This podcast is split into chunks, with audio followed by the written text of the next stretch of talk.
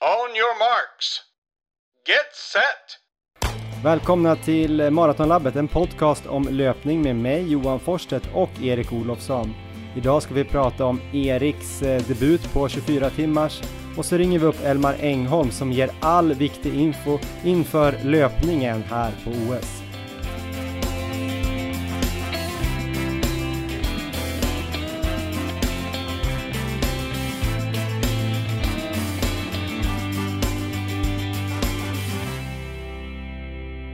Ja men då ska ni vara varmt välkomna till avsnitt 111 av podcasten Maratonlabbet med mig Johan Forsstedt från Tokyo i Japan och Erik Olofsson från Uppsala på väg till Skövde. Hur är läget Erik? Det är, ja men det är väl Taper Madness Deluxe här skulle jag säga. Jag har, det är så här gånger tre mot ett vanligt maraton. Så det är bara, jag håller på att packa, här, jag ska dra iväg här om en dryg timme mot Skövde och eh, Ja, det, är, det känns lite kaos men eh, jätteladdad. Det här, det här ska bli fantastiskt bara. Mm. Jag är ju i Tokyo för att jag eh, jobbar för Discovery här och ska rapportera från OS. Jag har också varit på eh, svenskarnas förläge nere i Fukuoka och vi kommer prata mer om det sen. Vi kommer intervjua Elmar Engholm som kommer ge då all sin kunskap om eh, de svenska löparna i OS. Det är åtta till antalet. Han kommer också tipsa om de mest intressanta internationella händelserna då, eller de mest intressanta löparna och loppen som man inte får missa. Och vi kommer tillbaks till allt det här, men en annan grej som man inte får missa det är ju alltså det som du ska göra då Erik, som eh, är då 24 timmars. Det är svenskt mästerskap för första gången på 24 timmars i Skövde och det är därför du har Taper Madness. Ja men det stämmer helt Johan, vi spelar in nu på fredag så att eh, jag åker iväg till Skövde ikväll och sen så startar loppet klockan 12 imorgon. Så eh, ja, det, det känns ovisst och spännande. Just det, vi kanske ska tillägga det också att vi gör en specialare i det här avsnittet. Vi spelar alltså in eh, en del här då eh, innan ditt lopp och sen kommer vi komma tillbaks eh, efter Elmar Engholm intervjun sen och prata om hur det faktiskt gick i 24 timmars. Precis. Så får ni allt i samma avsnitt, det kommer bli riktigt intressant då. Men eh, ja, vad har ni för väder? Är det fortfarande så här riktigt varmt i, i Sverige? Eh, det är det. Jag kommer ju norrifrån nu, så jag har inte riktigt den här värmeakklimatiseringen känner jag. Det har varit riktigt kallt där uppe. Men här nere har det varit varmt och det blir väldigt varmt imorgon. Så prognosen i Skövde säger 25 till 28 grader och sol de första nio timmarna av loppet. Så det är mm. riktiga extremförhållanden och sen så kommer det fortsätta vara varmt eh, även då under kvällen och natten. Men då ska väl temperaturen vara nere på 18 grader åtminstone. Men det, är ju, det kommer bli en oerhört stor faktor, värmen.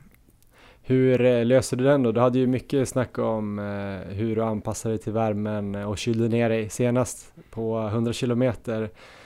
Har du byggt vidare på det någonting? Ja, men det blir ungefär samma plan och det känns ändå tryggt att ha gjort det testet då för tre veckor sedan där. För det var ju samma väder helt enkelt och det blir ju den här kylhandduken som jag har pratat om och eh, köra den frekvent redan från start. Och sen så blöta kepsar, jag kommer springa med is där, försöka få tag på mycket is på hotellet eh, på morgonen och ta med en kylbag. Eh, sen så eh, på eh, 100 km så hällde jag mycket vatten över huvudet och axlarna. Eh, den vet jag inte om jag vågar riktigt just eftersom att jag är inte så sugen på att springa i 24 timmar med väldigt blöta skor. Så där så är planen att istället ha med mig tvättsvampar som jag ska kunna doppa i isvatten då och mer så här eh, stryka på istället för att hälla vatten över sig. Så det är väl ungefär så mm. Eh, värmeplanen är. Har du något eh, sista minuten tips att slänga in där?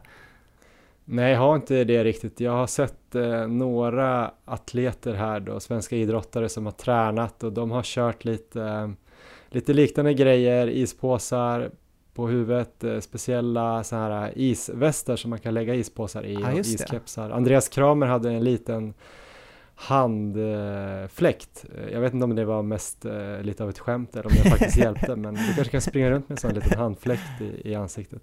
Ja, det kan vara värt att, värt att ha med kanske. Jag skrev lite med Carolina Wikström där också inför 100 km loppet och eh, hon tipsade om att eh, ja, helt enkelt frysa ner så här, påsar med sportdryck och eh, smasha sönder sen så att det blev som en eh, slushy, eller vad heter det? Heter det slushy?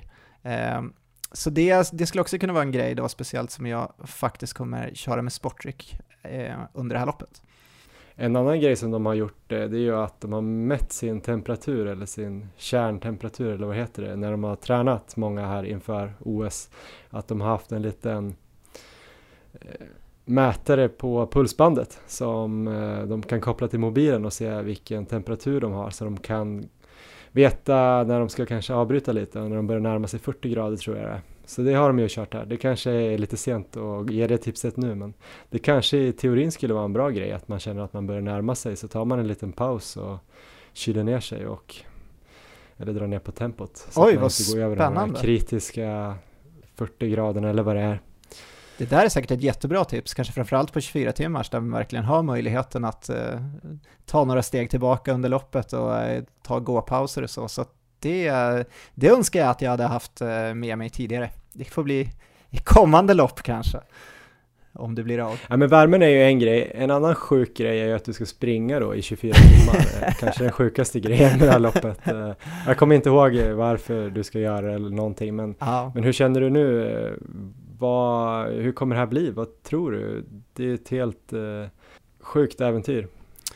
Ja, alltså jag är ju fullt medveten om eh, hur omöjligt egentligen det här kommer bli. Till att börja med så är det ju väldigt svårt att göra en bra 24 timmars debut. Det är ju i princip ingen som gör det utan man behöver ofta något eller ett par lopp innan man eh, får koll på alla bitar. Så att det, det vet jag att det är väldigt, väldigt mycket som eh, kan gå fel. Men jag har ju försökt eh, förbereda mig ändå på bästa sätt och det känner jag väl att jag har kunnat göra också så att eh, jag kommer ändå kunna ställa mig på startlinjen och känna att jag verkligen har gjort eh, allting förberedelsemässigt och det känns ju väldigt bra. Men taktiken är ju, det är ju svårt och speciellt nu med värmen. Eh, min förhoppning är att jag kommer ligga långt bak helt enkelt i fältet, att jag kan gå ut riktigt, riktigt långsamt. Eh, För att eh, jag kände ju hur tufft det var när vi sprang eh, SM på 100 km i den här värmen och det var ju, ja, det var nästan mer än hälften som bröt då tror jag. Eh, ett 24 timmars lopp bryter man ju inte utan man får ju ett resultat ändå, men jag kan ju tänka mig där att framåt kvällen så är det säkert inte lika många som springer som det är i början i alla fall. Så eh, min plan är att vara i rörelse så länge som det bara går och jag har väl, eh, om man ska prata om fart då, så tänker jag väl att eh, försöka gå ut någonstans kanske runt 5.30 och eh, sen ska jag varje timme ha ett gå-varv helt enkelt. Så det är 400 meter då när jag kommer gå och där kommer jag lägga energiintag också, försöka få ner pulsen lite. Och sen så köra på med det timme efter timme helt enkelt. Och, och sen också då fortsätta med värmeplanen med alla de faktorerna jag pratar om där och sen så hoppas jag, jag hoppas att det ska ändå kännas okej så att man kan köra på liksom. Har du någon tanke på vad du ska göra där framåt natten då? Jag tänker att den är svår där mellan 2 och 5. Visserligen blir det lite svalare och så, men eh, då lär det kännas att du har sprungit ett tag och det blir mörkt och så. Ja, jag hoppas ju till att börja med att jag har bättre ben eh, på det här loppet än vad jag hade senast på 100 km. Där lär ju det visa sig hur pass eh, bra benen är, men planen och förhoppningen är att jag ska kunna springa på som jag kan i början där. Men jag har ju aldrig sprungit eh, riktigt så länge som jag kommer ha gjort då när jag är framme där vid två, tre tiden på natten, så det är ju väldigt svårt att eh, säga på förhand. Men det är klart jag eh, hoppas och jag förbereder mig på att jag ska kunna springa på under hela natten också med samma upplägg. Så att det är jag Mm. helt inställd på. Har du något mål för tävlingen? Något distansmål eller placeringsmål eller vad tänker du? Eh, distansmål är väldigt svårt nu med värmen och med debut och allting. Eh, så att eh, jag kommer ju gå ut i en fart då som om jag skulle hålla hela vägen ska kunna leda över 24 mil totalt. Men det är ju det ska ju oerhört mycket till för att det ska hålla hela vägen. Eh, placeringsmässigt också jättesvårt. Jag gissar att det kommer falla av en hel del eh, personer längs vägen, eller som i alla fall inte kommer kunna springa hela. Så att eh, de som kan vara i rörelse hela loppet, de kommer att ha bra medaljchans faktiskt. Så att det är väl min förhoppning att kunna vara i rörelse så länge som möjligt och sen så lyckas jag med det så hoppas jag väl ändå att det ska kunna finnas någon medaljchans. Men eh, jag fattar ju att eh, oerhört mycket kan gå fel och eh, ja, det blir spännande här i del två sen, höra vilka delar det verkligen är som, har, som, som har gått fel. Det, det finns många. Ja, men det kommer bli spännande. Bara man lyssnar vidare så kommer man ju faktiskt få reda på hur det gick. En sista grej då kanske. Energiplan, kommer du göra någonting annorlunda? Kommer du käka något mer fast den här gången eller är det, är det liksom gel som gäller eller har du lagt till någonting? Ja, men jag har lagt till en hel del nu och det kände jag väl efter förra loppet att det kommer jag nog vara tvungen att göra, speciellt nu när det blir så varmt och man svettas så mycket. Så att jag har testat här under förra veckan då på långpassen. Jag kan väl nämna först också att jag efter 100 km blev ju extrem, extremt sliten verkligen. Jag tror jag nämnde det senast i podden. Men det var ju en hel vecka som gick utan träning. Men sen veckan efter kom jag igång bra och fick eh, till ändå 15 mil förra veckan med så lite bättre ben eh, eh, pass för pass. Så i början var jag kanske i 6 minuters fart men sen i slutet av veckan kunde jag gå i kanske 4.45 fart. Så att jag känner mig ändå eh, återhämtad inför det här. Eh, men jag har testat under långpassen att eh, börja köra med sportdryck, för det har jag ju inte kört tidigare, men det känner jag att det måste jag få till nu. Dels för att få i sig energi, men också elektrolyter och så. Och det har fungerat väldigt bra på långpassen, så det kommer jag lägga in nu också som ett komplement till gel. Jag kommer fortsätta med gels också, men jag kommer variera lite där. Och någonting annat som jag har testat är salttabletter så det har jag också tagit under långpassen utan några problem alls. Så det ska jag också försöka då lägga in eh, med jämna mellanrum, kanske sådär var fjärde timme eller någonting, ta en salttablett. Så eh, det kommer vara med och sen så blir det lite fast föda också, framförallt i form av då eh, lite bars, banan, eventuellt att jag kommer köra lunch och middag, men det har jag inte helt bestämt. Jag tror jag kommer låta känslan styra lite där. Elov körde väl inte det om jag minns rätt, eller så gjorde han det kanske. Det var ju något lopp han käkade men fick i sig lite för snabbt tror jag så att magen kajkade ur. Ja, precis. Han sånt där frystorkat. Ja, så det viktiga är nog bara att med jämna mellanrum få i sig någonting fast. Eh, men sen så får man, eh, ja, eventuellt kan det bli någon lunch eller middag men inte för mycket då. Jag siktar då på 80-90 gram eh, kolhydrater per timme. Härligt. Vad ser du mest fram emot och vad bävar du mest inför? Eh, ja, men jag är mest positiv ska jag säga inför det här loppet. Eh, jag känner inte att jag bävar så mycket för någonting egentligen, utan eh, det ska mest bli en riktigt rolig utmaning. Jag fattar att mycket kommer gå fel och det kommer kunna, eh, jag kommer uppleva saker som jag aldrig har upplevt tidigare och eh, det kan ju bli tidernas väg. Men det är inget jag går och bävar, på, bävar för eller tänker på så, utan eh, superladdad. Jag har varit så laddad att jag haft lite sömnproblem här under veckan, så det är väl kanske det som är den största oron nu, att jag hade någon natt när jag knappt sov någonting, för att det blir att man fokuserar på alla de här bitarna med loppet och förberedelser och allting. Så jag hoppas verkligen få sova bra nu sista natten. Eh, det lär behövas, eh, men värmen också, det känns som, eh, ja, det gick, eh, jag tycker det fungerade bra sist och det känns som, eh, som jag har en bra plan där, så Eh, Eh, på förhand så, eh, så är jag mest bara laddad. Och jag kommer också här att eh, springa i lite maratonlabbslinnen under det här loppet. Jag kommer gå ut och troligen i klubblinne från min klubb IF Mantra Sport. Det var dock inga krav här på just på det här SMet att man måste springa i klubblinne och man lär ju behöva byta linne en hel del. Så att jag ska bland annat under det här loppet debutera med blåvalslinnet från Maratonlabbet Johan. Så då ska mm. jag tillägna en hel... Det är snabbt. Ja, jag hoppas på det. Så jag ska tillägna en timme till dig där Johan, när jag... Ja. Men du vet att det inte går att springa 5.30 fart i, i mina linnen? Det är ingenting långsammare än 4.40. Ja, men då lägger jag det kanske sista timmen då, och sen drar jag en jättespurt helt enkelt. Så då får du sätta ihop en peppig spellista till mig där, som jag kan eh, lyssna ja, på där. Det. Men 24 eh, mil då som någon sorts drömmål ja. på en 400 meters bana, kan det stämma att det är 600 varv du ska springa då? Är det så? Ja det måste det vara. Ja, jag skulle tro det. Ja, ja det, det är bra, men det är ju, då byter vi håll var sjätte timme så det blir lite variation på det i alla fall. Nej men det, det känns, känns eh, spännande, en spännande utmaning. Men någonting annat som är spännande tycker jag i alla fall och säkerligen alla lyssnare det är att Maratonlabbet här har lyckats få in en egen rapportör då under OS. Oerhört lyxigt, eh, må hända att du egentligen är där eh, på andra uppdrag. Men nu när vi har tillgång här till allt vad som sker bakom kulisserna så eh, ja, hur, hur, är det där borta? Vilka av våra OS-löpare har du träffat på och har du kunnat springa någonting själv? Ja, alltså om vi ska börja då med vilka OS-löpare jag har träffat på så har jag då träffat eh, Carolina Wikström, Andreas Kramer, Vidar, Emil och Simon då, de som ska springa 3000 meter hinder. Så fem av åtta löpare, Meraf Bata, Sara Lahti och Kalle Berglund kom in senare då till Japan eftersom de springer lite senare än de andra. Eller ja, Karo springer ju faktiskt sista, näst sista dagen, men ja. hon, eh, de ska vara på plats länge så ska de ju resa upp till Sapporo. Jag har ju då varit i något som heter Fukuoka som ligger, eh, jag skulle säga att det är sydväst om Tokyo. Där har jag varit på eh, SOKs då förläger och eh, vi har gjort en massa intervjuer. Vi har varit fem stycken från Discovery där som har intervjuat folk och följt med lite på träningar och gjort lite reportage som ska sändas här nu då, nu när det börjar komma igång här på TV.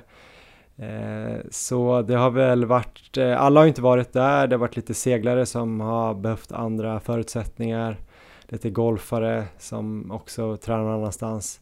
Men ganska många har varit där, typ eh, Daniel Ståhl, Sara Sjöström, Duplantis kom mot slutet där. Så några av våra största guldhopp har vi har vi fått se då på nära håll. Vi har ju bott på samma hotell, ätit frukost, lunch och middag i samma matsal, samma mat, följt med lite på träning och haft samma då ganska hårda restriktioner. Vi har bott ja. på ett helt okej okay hotell då, ett Hilton hotell nära en strand, men vi har ju knappt fått röra oss utanför det här hotellet, utan vi har fått gått ner då till stranden och en del av den här stranden har de hägnat in, så där får bara då de här svenska olympierna och deras ledare då vara och vi då. Eh, inga japaner, det har stått en vakt där och kollat så att inte vi beblandar oss då med ortsbefolkningen. De är väl eh, livrädda att vi ska smitta dem antar jag. Man har känt sig lite pestsmittad. I början då fanns det en, eh, en liten slinga då som var en kilometer på kvällen och på morgonen var den en och en halv som vi fick springa. Så den sprang jag lite på första fyra, fem dagarna men sen en dag på frukosten så fick jag då tyvärr reda på att det hade varit något eh, stormöte kvällen innan och Fukuoka stad hade stängt av då möjligheterna för oss att springa där. Jag vet inte varför, det hade inte hänt någonting utan det var väl bara någon allmän opinion där i staden eller om det kom från Tokyo att, att man inte skulle få röra sig så det blev nästan husarrest där lite grann. Man kunde som sagt gå ner till stranden fortfarande men på helgerna var det bara mellan 6 och 9 på morgonen som man fick eh, gå dit. Så efter det var det liksom hotellet. Ja, just det. Man kunde gå ut eh, till poolen då, då kunde man i alla fall se himlen och sådär. Eller så kunde man ju då kanske hänga med på någon träning och filma då och jobba och då fick man ju fick man ju komma ut lite. Jag såg ju här på sociala medier att du hade kört eh, i alla fall delar av ett pass tillsammans med Carolina Wikström. Hur, eh, hur verkar hennes form och eh, är det mycket nervositet där eller är de lugna och avslappnade i teamet? Ja, men jag har ju träffat eh, Karo och hennes tränare då Christian Munt ganska mycket. De kom ändå kanske fyra, fem dagar innan jag lämnade Fukuoka. Och de är kvar där nu, de ska vara kvar ända till eh, om det är fyra, fem dagar innan de ska springa, när de flyger upp till Sapporo och har några träningar där. Men eh, Ja, men jag har pratat en del med dem. Eh, det finns en hel del nervositet där hos Carolina kan jag känna. Men det började också mer och mer komma någon sorts eh, avslappnad känsla tyckte jag för varje dag som gick. Jag antar att det dels är nerver för att springa det här loppet men också då kanske för att vara med i de här sammanhangen. Ja. Alltså som ett OS och träffa alla de här andra. Allt är nytt för henne och så. Ja. Eh, men eh, jag tyckte hon såg otroligt lätt och fin ut i steget i alla fall så jag hoppas verkligen att hon kan gå in i det där loppet och bara njuta av att hon eh, är på ett OS typ tre år eller två, tre år efter att hon började satsa på löpning och inte börja känna någon press att hon ska prestera utan bara att kunna njuta av det, det ögonblicket. För man vet ju aldrig om, om det kommer tillbaka. Eh, så, men jag hängde ju med på något pass eh, på stadion där. Det var bara ett lätt eh, distanspass som skulle springa kanske en halvtimme plus köra lite strides och jag var med och filmade lite grann men sen fick jag faktiskt springa så jag sprang nog en 6-7 kilometer med henne där. Det var ju väldigt trevligt och sen hade vi något pass på löpband där vi faktiskt sprang sida vid sida. Så det var kul att få, få hänga med lite och att ge henne lite sällskap. Annars tränade hon också lite med Vidar Johansson där när han kom. De fick ju faktiskt åka upp till någon park också, eh, de som var atleter eller idrottare och springa på en liten bana där. Jag var aldrig där och kollade men eh, ganska begränsade möjligheter så det var lite löpband, lite bana och så någon, någon slinga där i någon park. Eh, men jag tror de är så fokuserade på det de ska göra så att de bryr sig nog mindre än vad jag gjorde tror jag. Ja, vi fick ju höra om eh, ett distanspass här tillsammans med Karo. Då vet jag inte om det blir distanspass för dig med tanke på eh, hennes distansfart till Kajsa. Men själv då, har du fått in några bra pass där och om man jämför med så här totalvolym vad du kan ligga på hemma, blir det mycket lägre där borta i Japan? Ja, det är ju faktiskt det här som är det viktigaste om jag har kunnat få till min träning eh, på det här förlägret. eh, och eh, jag tänkte just på det när du gick igenom det här loppet som du ska springa nu, 24 timmars. Du snackade om något rummål på 24 mil, kanske jag kan tänka mig att det finns också det här andra nivån, kanske 20 mil. Och jag börjar fundera på om jag ens kommer få ihop 20-24 mil på de här fyra veckorna jag ska vara i Japan. Så på den nivån är det. Jag fick faktiskt till ändå, var ganska överraskad. Första veckan när jag var här fick jag till 5-5,5 mil ändå. Så det är väl ändå, eh, ja det är väl nog 55-60 procent av vad jag har legat på i snitt under första halvåret 2021. Och den här veckan är inte slut än så jag kanske kan komma upp i, i fem mil. Det är lite oklart här nu. Jag kom in till Tokyo igår då, eh, alltså för typ fem dagar sedan när det här släpps och eh, på ett sätt är det lättare att röra sig här för de har inte den här möjligheten att låsa in alla journalister från hela världen bara att de inte får gå ut från hotellet för man måste kunna röra sig till mediecenter, man måste åka ut till arenor och det finns ställen man får gå kanske någon kiosk och handla och sådär men sen finns det de här reglerna som man ska följa men som kanske inte kontrolleras hela tiden. Typ att man får inte gå än så länge på restauranger, vi får inte åka buss eller tunnelbana och sådär. Ja. Och vi ska väl inte röra oss i onödan. Sen, eh, så vi får se då om jag kommer kunna springa något här de första dagarna. Men jag har snart varit i landet i 14 dagar och då blir eh, det färre restriktioner. Så då räknar jag i alla fall med att kunna springa och jag vet att vissa journalister har varit och sprungit här korta rundor runt hotellet men ändå kunnat få ihop så här 5-8 kilometer. Så jag hoppas på det och sen blir det väl lite styrka på rummet har jag tänkt. Eh, I Fukuoka hade jag tillgång till gym så då kunde jag ändå köra lite styrka.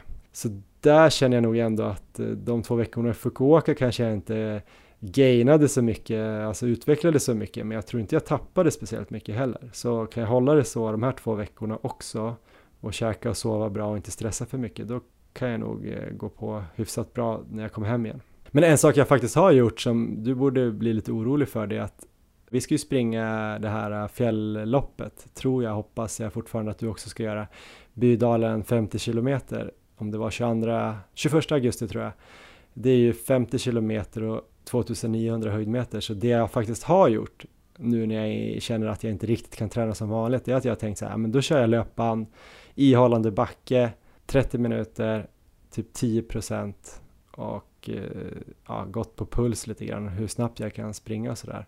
Så kört jävla backar enkelt. Spännande! Jag ska knäcka dig där i fjällen. Ja men det, det räknar jag med i vilket fall. Speciellt efter, efter ett 24 timmars lopp och i ditt rätta element där. Så, ja det skulle vara det. Så det behövs nog ingen löpband för det.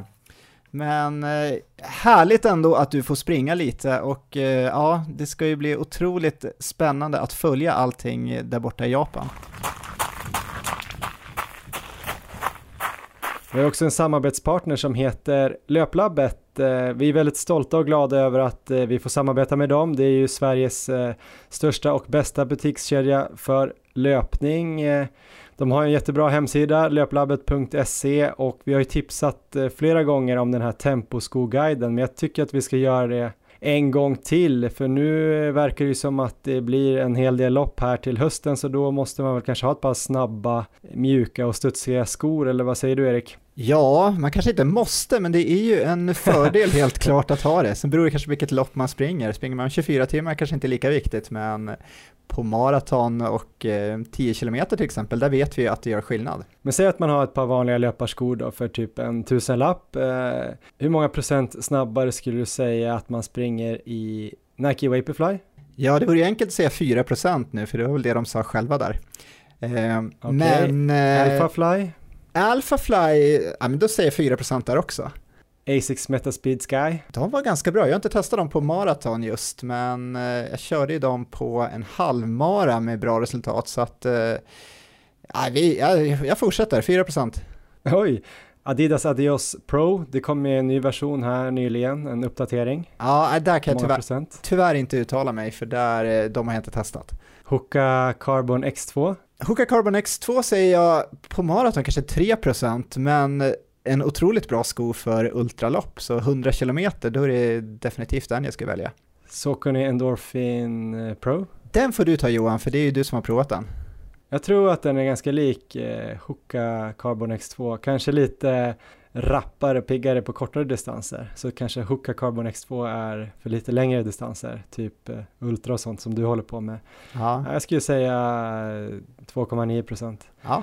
Eh, sen har vi ju inte provat New Balance eh, RC Elite. Eh, den är ju spännande och sen kommer det också en on-running sko som heter Cloudboom Echo som kom ganska nyligen som är en uppdatering av deras förra Cloudboom Echo som också ska vara intressant, eh, lite mjukare och också ka karbonsko. Den skulle vara kul om vi fick prova här framöver. Vi får väl se. Spännande, tror du att vi kan komma upp på 5% till och med? Kanske om man kör dubbla skor eller något, jag vet inte. en på varje fot. Ja, men gå in och kolla den här Temposkoguiden så får ni mer info om de här skorna, inte bara hur snabba de är som ni fick av oss här nu. Tack Löplabbet! Vi har också ett litet eh, sommarsamarbete här med Flowlife eh, som ju gör eh, återhämtningsprodukter och träningsprodukter. Just nu under OS har ju de en liten kampanj om man då använder koden Heja Sverige med stort H och stort S så får man 20% på allt på deras hemsida då, flowlifesweden.com. Allt som inte redan är nedsatt på rea då. Vi har ju länge använt oss både av Flowpillow som du gillar jättemycket Erik. Verkligen. Och även Flowgun Pro som är deras eh, ja, största och mest kraftfulla massagepistol. Den har ju du pratat tidigare om, den har ju räddat dina vader. Nu har jag också bara snabbtestat Flowgun Pocket som eh, jag tyckte kändes jättebra och den är verkligen liten. Har man lite så här mer baggy stil som tänk skater på 90-talet då är det helt klart en, eh, en sak som får plats i, i fickan. Har man lite mer så här indie pop stil början av 2000-talet, så här riktigt tajta, tajta stretch jeans kanske inte passar så bra i, i fickan. Men den är betydligt mindre och jag tror den är jävligt lätt att ha med sig på, på resa och sådär. En annan sak som är bra att ha med sig på resa det är Flowtank det här nya träningsredskapet som de har lanserat, eh, den kan man ju inte ha missat i sitt Instagramflöde, det är helt omöjligt. Har du sett eh, Flowtank Erik? Eh, jag har sett den, men jag har inte provat själv, men det tror jag att du har gjort. Ja men precis, jag fick faktiskt hem den precis innan jag skulle åka till Japan och tänkte så här, ska jag verkligen ha med mig den här dit? Men såg att den inte var så himla stor, det är som en, en plast tank, höll jag på att säga, som när den är tom så kan man ju fälla ihop den och den tar ganska lite plats. Eh, sen är det en liten pump med. Eh, så till slut så fick jag ändå plats över i min väska och slängde ner den där för jag tänkte det är inte säkert att jag får gå på gym i, i Japan. Så sen i Fukuoka där jag var på förlägret, där fanns det gym. Så där tränade jag hela tiden mer konventionellt med vikter och sådär. Men här i Tokyo har vi ju lite sämre förutsättningar. Inget hotellgym som vi får använda. Jag har fortfarande inte varit här 14 dagar så jag kan inte gå ut eh, bland folk egentligen så jag får ju absolut inte gå på gym.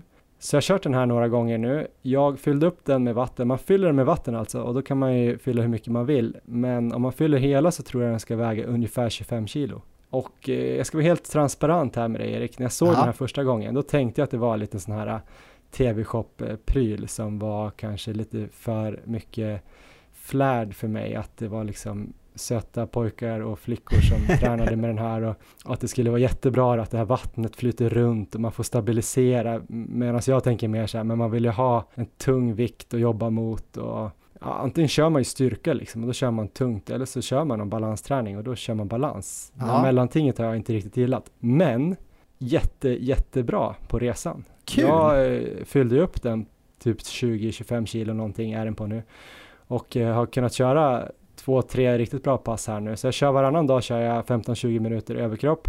Varför jag kör överkropp vet jag inte om jag är löpare. Det har något med fåfänga att göra. Eh, men ben också sjukt bra att göra så här Bulgarian split squats. Eh, jag har kört den här draken, du vet som en marklyft fast på ett ben. Ja.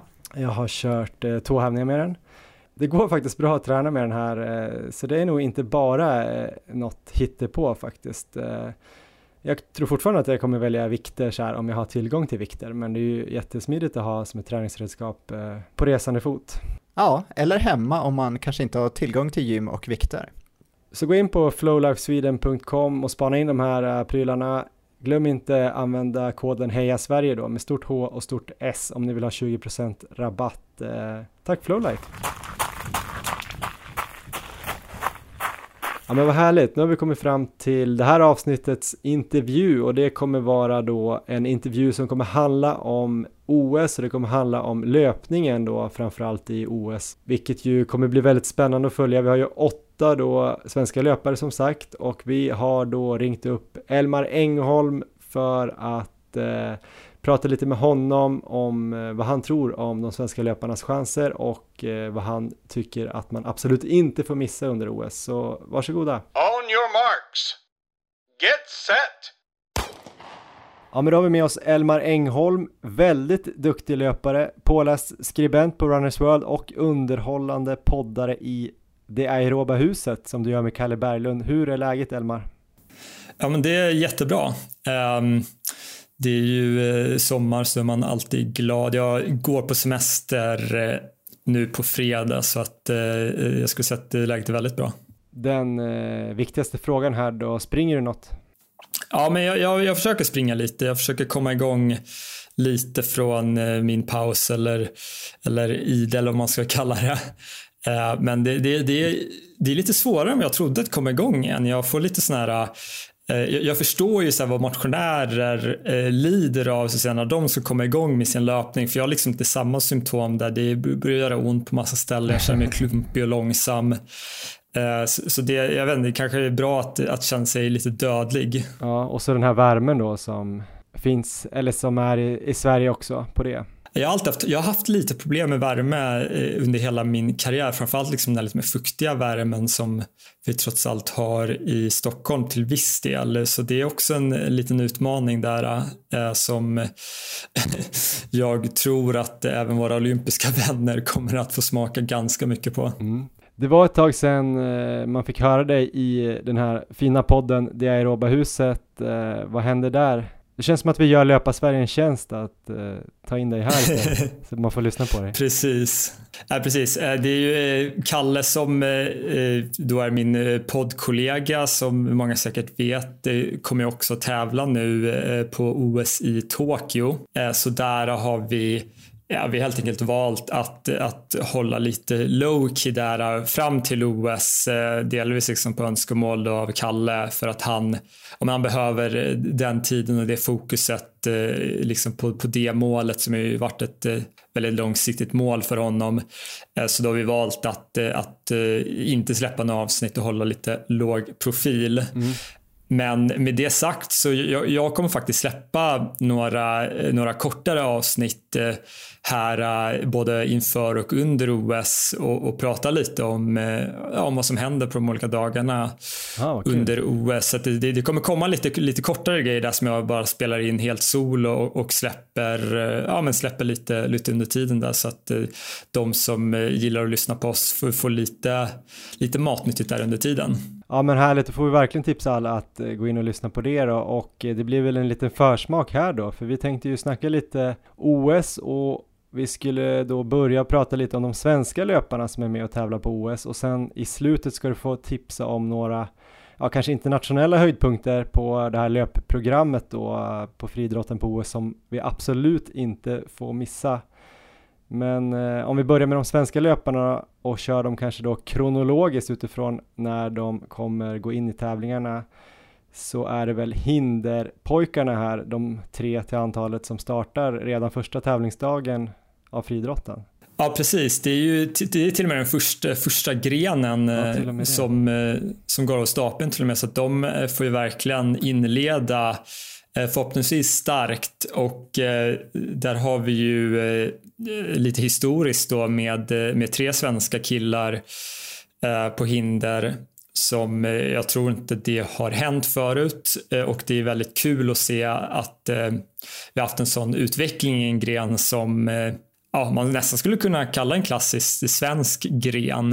Eh, så de vi har med är ju Vida Johansson från Sävedalen, eh, Simon Sundström från IFK Lidingö och Emil Blomberg från Hässelby SK, min hemmaklubb. Mm. Och det som gör det ja, men lite speciellt är att det här är tre killar som har utvecklats väldigt mycket bara i år. Emil är ju den äldsta av dem och har legat ja, ganska stadigt kring låga 8.30 några år. Haft, haft lite problem med skador de senaste åren. Men eh, jag som tränar ganska nära honom, känner honom väldigt bra, eh, vet ju att de senaste ett och ett halvt åren har ju han liksom haft eh, ja, sin klart bästa träningsperiod någonsin. Mm. Eh, så eh, han fick ju verkligen, eh, verkligen till det nu det här året och har sänkt sig med ja, mer eller mindre 10 sekunder till 8.20 och kvalat in till OS och får ju, fick ju först och främst sällskap av Simon Sundström, lite yngre, vart medaljör på U23 EM. Han gjorde 8.25 redan förra året och sänkt sig lite ytterligare i år och eh, då gått under den här eh, OS-kvalgränsen. Mm. Och eh, de fick, kan man säga nästan i sista stund, sällskap av Vida Johansson som var nära i flera lopp och nästan på om det var näst sista eller sista dagen slog till med ett superlopp i Spanien där gjorde 8.18 som är den bästa svenska tiden i år. Så, och det, så det, det är de, de tre killarna vi har som är ganska jämnbördiga. Vad tror du att de kan göra på OS då? Vad kommer det här kunna räcka till? Mm. Eh, det är hinder i en ganska svår gren att spekulera om generellt sett. när det kommer till de absolut bästa har det historiskt ganska ofta varit, eh, har de haft ganska lätt att ta sig vidare från försöken och eh, varit långt fram, till, fram i finalen då. Eh, hinder är ju en gren som dominerats ganska kraftigt av Kenya tidigare men kollar vi i år så rent toppmässigt är rätt, rätt svagt då. Det är inte någon som överhuvudtaget varit i närheten av eh, åtta minuter som är lite av, av den magiska eh, supergränsen kan man väl säga då på 30 meter hinder. Eh, så det är lite, lite tajtare liksom där bakom då. Eh, av de här som slåss om finalplatserna och det, det kommer vara några som eh, bör ganska enkelt gå in i finalen. Men sen är det ett ganska stort gäng som ligger där eh, kring 8.15 till 8.20. Mm. Där eh, ja, Vidar, Emil och Simon ligger. Där det är lite av ett getingbo. Och eh, det är svårt att säga vem av svenskarna som egentligen har den bästa chansen. Man kan säga så att när de har sprungit mot varandra då är det Emil som har gått vinnande så att säga, i svensk striden.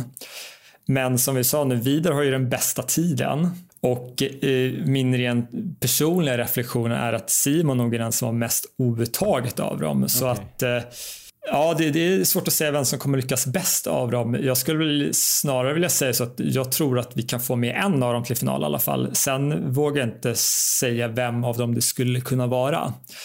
Så eh, ja, det, det, hinder är ju hinder. Att det, det står ju trots allt 35 barriärer i vägen där som både det ena och andra kan ske över och eh, alla svenskarna är ganska säkra säkra över hindren så att eh, de bör inte springa bort sig där i alla fall. Så eh, alla tre knackar på dörren till finalen och jag tror att vi får med en i alla fall dit. Mm. Jag träffade faktiskt eh, Malin Sundström här på eh, förlägret här nere i Fukuoka där jag varit lite grann. Jag sprang ju på även de här tre grabbarna lite som hastigast också och frågade då vem som hade bäst spurt av de här om det skulle bli lite långsammare försök och sådär. Eh, hon trodde att alla hade en riktigt bra avslutning. Vem, vem tror du tar en, en spurt i ett lite långsammare lopp? En väldigt bra fråga. Alltså, alla tre har ganska goda 15 meters merit. Jag tror att Emil är den som har snabbaste tiden där och Emil är också den som har visat sig vara starkast över sista varvet av de här tre killarna. Så om jag ska rangordna dem rent spurtkapacitetsmässigt skulle jag nog säga eh, Emil som den bästa. Sen Simon som har vunnit eh, SM i ett lite långsammare lopp och sen så Vidar som den, eh, den tredje av dem då. Men ja, det är jämnt och loppet kan ju byggas upp på lite olika sätt. Det kan bli lite långkörare, det kan bli en kortare spurt och det, det kan passa dem olika, lite olika väl då. Mm. Vad tror du finns för maxpotential då i en eventuell final för någon av de här då som nu går vidare? Kollar man historiskt så liksom eh, de tider som de har presterat har ibland kunnat räcka till eh, ja, mellan sjätte och tionde plats. Så att vi ska inte egentligen hysa några liksom drömmar om att någon av dem ska ta medalj, det, det är att fråga för mycket helt enkelt. Men väl i final så eh, tror jag att de har kapacitet att, att slåss om en placering eh, runt 5 och 10 kanske som max och det är icke att förringa. Spännande. Det här är alltså då fredag 13 juli, jag tror inte jag sa det, jag sa bara att det var första dagen på friidrotten och sen final då 2 augusti. Om vi går vidare då, jag blev lite osäker där om, om Meraf skulle springa 5000 också 30 juli, men du säger att hon inte finns med i någon startlista och eh, då mm. hoppar vi över då till lördag den 31 juli där Andreas Kramer går in i elden på 800 meter. Mm. Spännande. Precis. Ja, väldigt spännande. Det är ju en eh, väldigt bra mästerskapssträcka skulle jag påstå. Andreas är ju en, han är en god mästerskapslöpare. Eh, så det kommer bli väldigt spännande att se vad han kan göra där. 800 eh, i år är otroligt tajt och eh, Andreas sprang väldigt bra då i sitt genrep här senast på Bauhausgalan i Stockholm. Mm. Men har väl liksom en, en och en halv sekund upp till de absolut bästa där i världen. Så jag tror att Andreas kommer ha chans att, eh, att slåss om en finalplats i en eventuell semifinal men jag tror inte att han är eh, jag tror inte vi kan förvänta oss en finalplats eh, för så, så pass eh, tuff är konkurrensen. Andreas är ju liksom utan konkurrens vår eh, bästa 800-meterslöpare någonsin.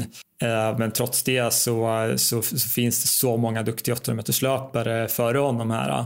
Ja, men 800 på mästerskap kan vara lite lurigt ibland. Andreas gillar ju att gå ofta från spets och det kan vara eh, smart i vissa sådana här typer av lopp. Eh, att man får en lite, lite lugnare resa, inte speciellt stökigt. Så, så jag tror att liksom för Andreas del kommer det ju bli väldigt mycket att, att ta en runda åt gången. Att eh, vi ska veta liksom att det, det har varit många, historiskt sett, det har varit många medalj kandidater som har rykt redan, rykt redan första, första omgången. Så, så, så, det är tufft och det, det kan bli näst, nästan vad som helst där skulle jag påstå. Men Andreas är ganska formsäker löpare och ganska mästerskapssäker löpare. Så att, eh, jag tror vi får med honom från försöken i alla fall till en semifinal men att eh, han får eh, säga adjö i semifinalen sen. Han såg ju riktigt bra ut i, i vintras, sen fick han väl eh, corona och det här loppet du nämnde där, 1.45.05 mm. var i, i, i början av juli. I fjol sprang han väl 1.44,5 om jag inte mm. har läst fel. Um, tror att han är lika bra nu som han var förra, förra sommaren? Ja, men det tror jag. Eh, jag tror att han eh, så att säga, efter sin sjukdom här medvetet har ja, men, siktat väldigt exklusivt mot OS och troligen liksom medvetet inte riktigt toppat formen för de här loppen tidigare under säsongen. Mm. Och eh, han har tillsammans med sin tränare Per Skog ett ganska bra track record med att eh, sätta formen rätt väl inför mästerskap.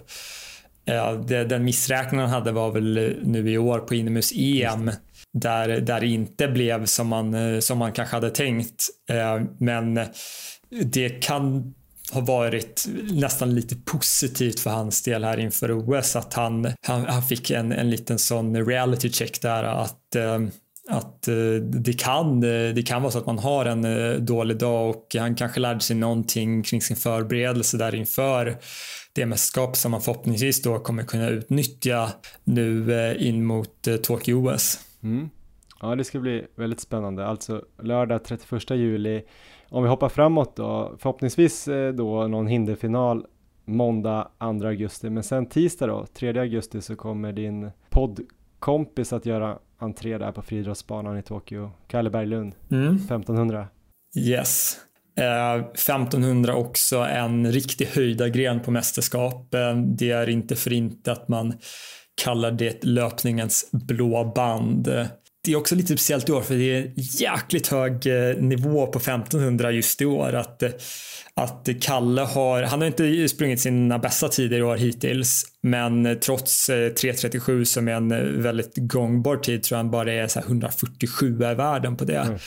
Eh, vilket är nästan osannolikt hög nivå. Sen så ska man väl liksom eh, lägga till där att eh, det är väl inte helt klarlagt hur mycket de nya skorna och sådär gör men de gör inte så pass mycket att, att det, det, skulle vara den enda orsaken till den höga resultatnivån där i år.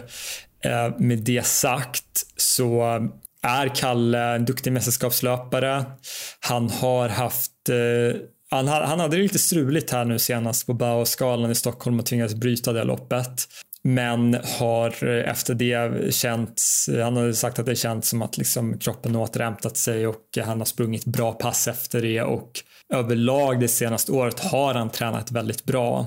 Och det, brukar, så det är det som brukar kunna vara lite jobbigt just där när man går in och vet att man har gjort allting rätt, det går bra och sen så får man ett sånt här dåligt lopp i upptakten eh, som självklart kan bero på massa olika saker som inte är att man är i dålig form eller dåligt tränad, vilket jag vet att Kalle inte är. Eh, så eh, det, det, känns ändå som att det har kunnat reda ut sig lite där. Eh, med det sagt, det är lite samma där som på 800 att det är inte ovanligt att medaljkandidater ryker redan i hiten. Inte ovanligt att en potentiell guldmedaljör kan ryka redan i semifinalen. Så det, jag skulle säga att det är den mest öppna av, av grenarna när det kommer till liksom Eh, vilka som kan ta finalplatser och Kalle tillhör absolut en av de som kommer konkurrera om en finalplats. Jag tror att vi ändå ska liksom hålla våra förväntningar på en, på en rimlig nivå där och förstå liksom att eh, man kan ha en bra dag och ändå åka ut i försöken. Om man eh, hamnar i ett kanske lite långsammare hit och hamnar med, med några spurtstarkare gubbar för dagen så att säga. Men det kommer bli jättekul att följa. Det är ju en gren där jag liksom tycker man ska hålla utkik lite på hur, hur olika löpare lägger upp sina taktiker i försök att se med final. Om man kollar på Jakob Ingebrigtsen så brukar han kanske kunna lägga sig ganska långt bak i försöken och semifinalerna. Sen avancerar på slutet medan Timothy Cheruiyot är en som brukar kunna köra ganska hårt från start och eh, rent krasst då för en sån som Kalle vill ju han gärna hamna eh, i ett semifinal hit då med Timothy Cheruiyot där det kanske går undan lite så att eh, även om man inte är topp fem där så kan man ta sig vidare på tid. Men om man tar Kalles eh, form då 2019 när han var nia på VM där, hur bra är han nu? Vad har du för inside liksom? Är han lika bra eller bättre? Eh, rent träningsmässigt så är han minst lika bra. Sen så handlar det väl lite här om liksom hur man kan översätta det till ja, färdigheter i loppen så att mm. säga. Eh, jag vet inte, ni, ni har säkert eh, pratat om Kalles träning vid något tillfälle tidigare i er podd men eh, han är ju en av de som kör väldigt hårt på det här med eh, tröskelträning. Mm. Eh, och det är det han gör som sagt som, som mest och där ligger han ju i, på lika, samma nivå eller bättre än tidigare. Sen är det det här att liksom kunna omvandla det sen till högfartslöpning och syratålighet i loppen. Eh, och eh, det, är väl där som varit lite den osäkra biten men eh, det han har gjort träningsmässigt indikerar ju att han absolut ska kunna vara på den nivå som han var 2019 när han gick till, gick till VM-final. Nu som du var inne på också att han hade lite struligt här senast och han hade väl också något dåligt lopp i säsongspremiären. Han har mm. faktiskt bara ett resultat va, på 1500 i år. Är det något som Precis. du tror oroar honom också då eller? Eller hur många lopp skulle man vilja ha som en 1500 meters löpare inför sitt stora mål? Du vet ju själv det där. Ja, det är lite olika skulle jag säga. En sån som Kalle är inte speciellt beroende av att springa så många lopp. Eh, om man kollar på en annan duktig svensk 50 meterslöpare i Johan Rogestedt så är det en mm. kille som gillar att tävla mycket och, och, och, ofta tävla sig i form på ett helt annat sätt. Och han har gjort han måste gjort 6-7 15 meterslopp i år nästan. Medan Kalle gillar att nöta på med träningen och eh, brukar ganska väl veta vilken sorts form man är i utifrån de träningsresultaten. Mm. Eh, så, så jag tror för Kalles del att han inte är speciellt beroende av att liksom han måste ha så här många lopp runt de här tiderna för att veta att han är i den här formen. Eh, med det sagt så är det ju som, eh, som liksom en eh, professionell idrottsutövare är det aldrig kul att att ha ett, få ett negativt besked så att säga, det sista man gör inför ett stort mästerskap. Men Kalle, som sagt, han, även om han är ganska ung, som jag tror många glömmer bort ibland, så har han ändå helt okej okay rutin. Han har bra folk omkring sig och Eh, ändå ett gott förtroende till sin träning så att eh, jag tror inte att det i sig är eh, någonting som kommer kommer vara speciellt jobbigt för honom när han väl står på startlinjen i Tokyo. Det är ingenting han kommer tänka på då. Härligt. Om vi går in då på sista helgen, både av hela OS och friidrotten, så har vi då på lördag, näst sista tävlingsdagen, har vi då maraton uppe i Sapporo, Carolina Wikström och så har vi 10 000 meter då i, i Tokyo damer, Meraf Bata och Sara Lahti. Om vi börjar med Carolina då, ganska mm. ovisst med maraton eh, i de här väderförhållanden kan jag känna. Eh, vad, vad vet du om, om den där tävlingen? Vad tror du om Karos chanser? Ja, nej men eh, precis som du säger, det är ju, eh, det är ju den mest ovissa av, alla grenar på OS-programmet, speciellt när, det, när vi har de här temperaturerna redan i, i Doha så såg vi ju att eh, det, var, det var många som hade problem. Ehm, och det kommer ju vara varmt, fuktigt och banan är väl inte helt lätt heller som jag har förstått det. Nej, mycket, många varv och många ganska skarpa svängar som jag förstår det.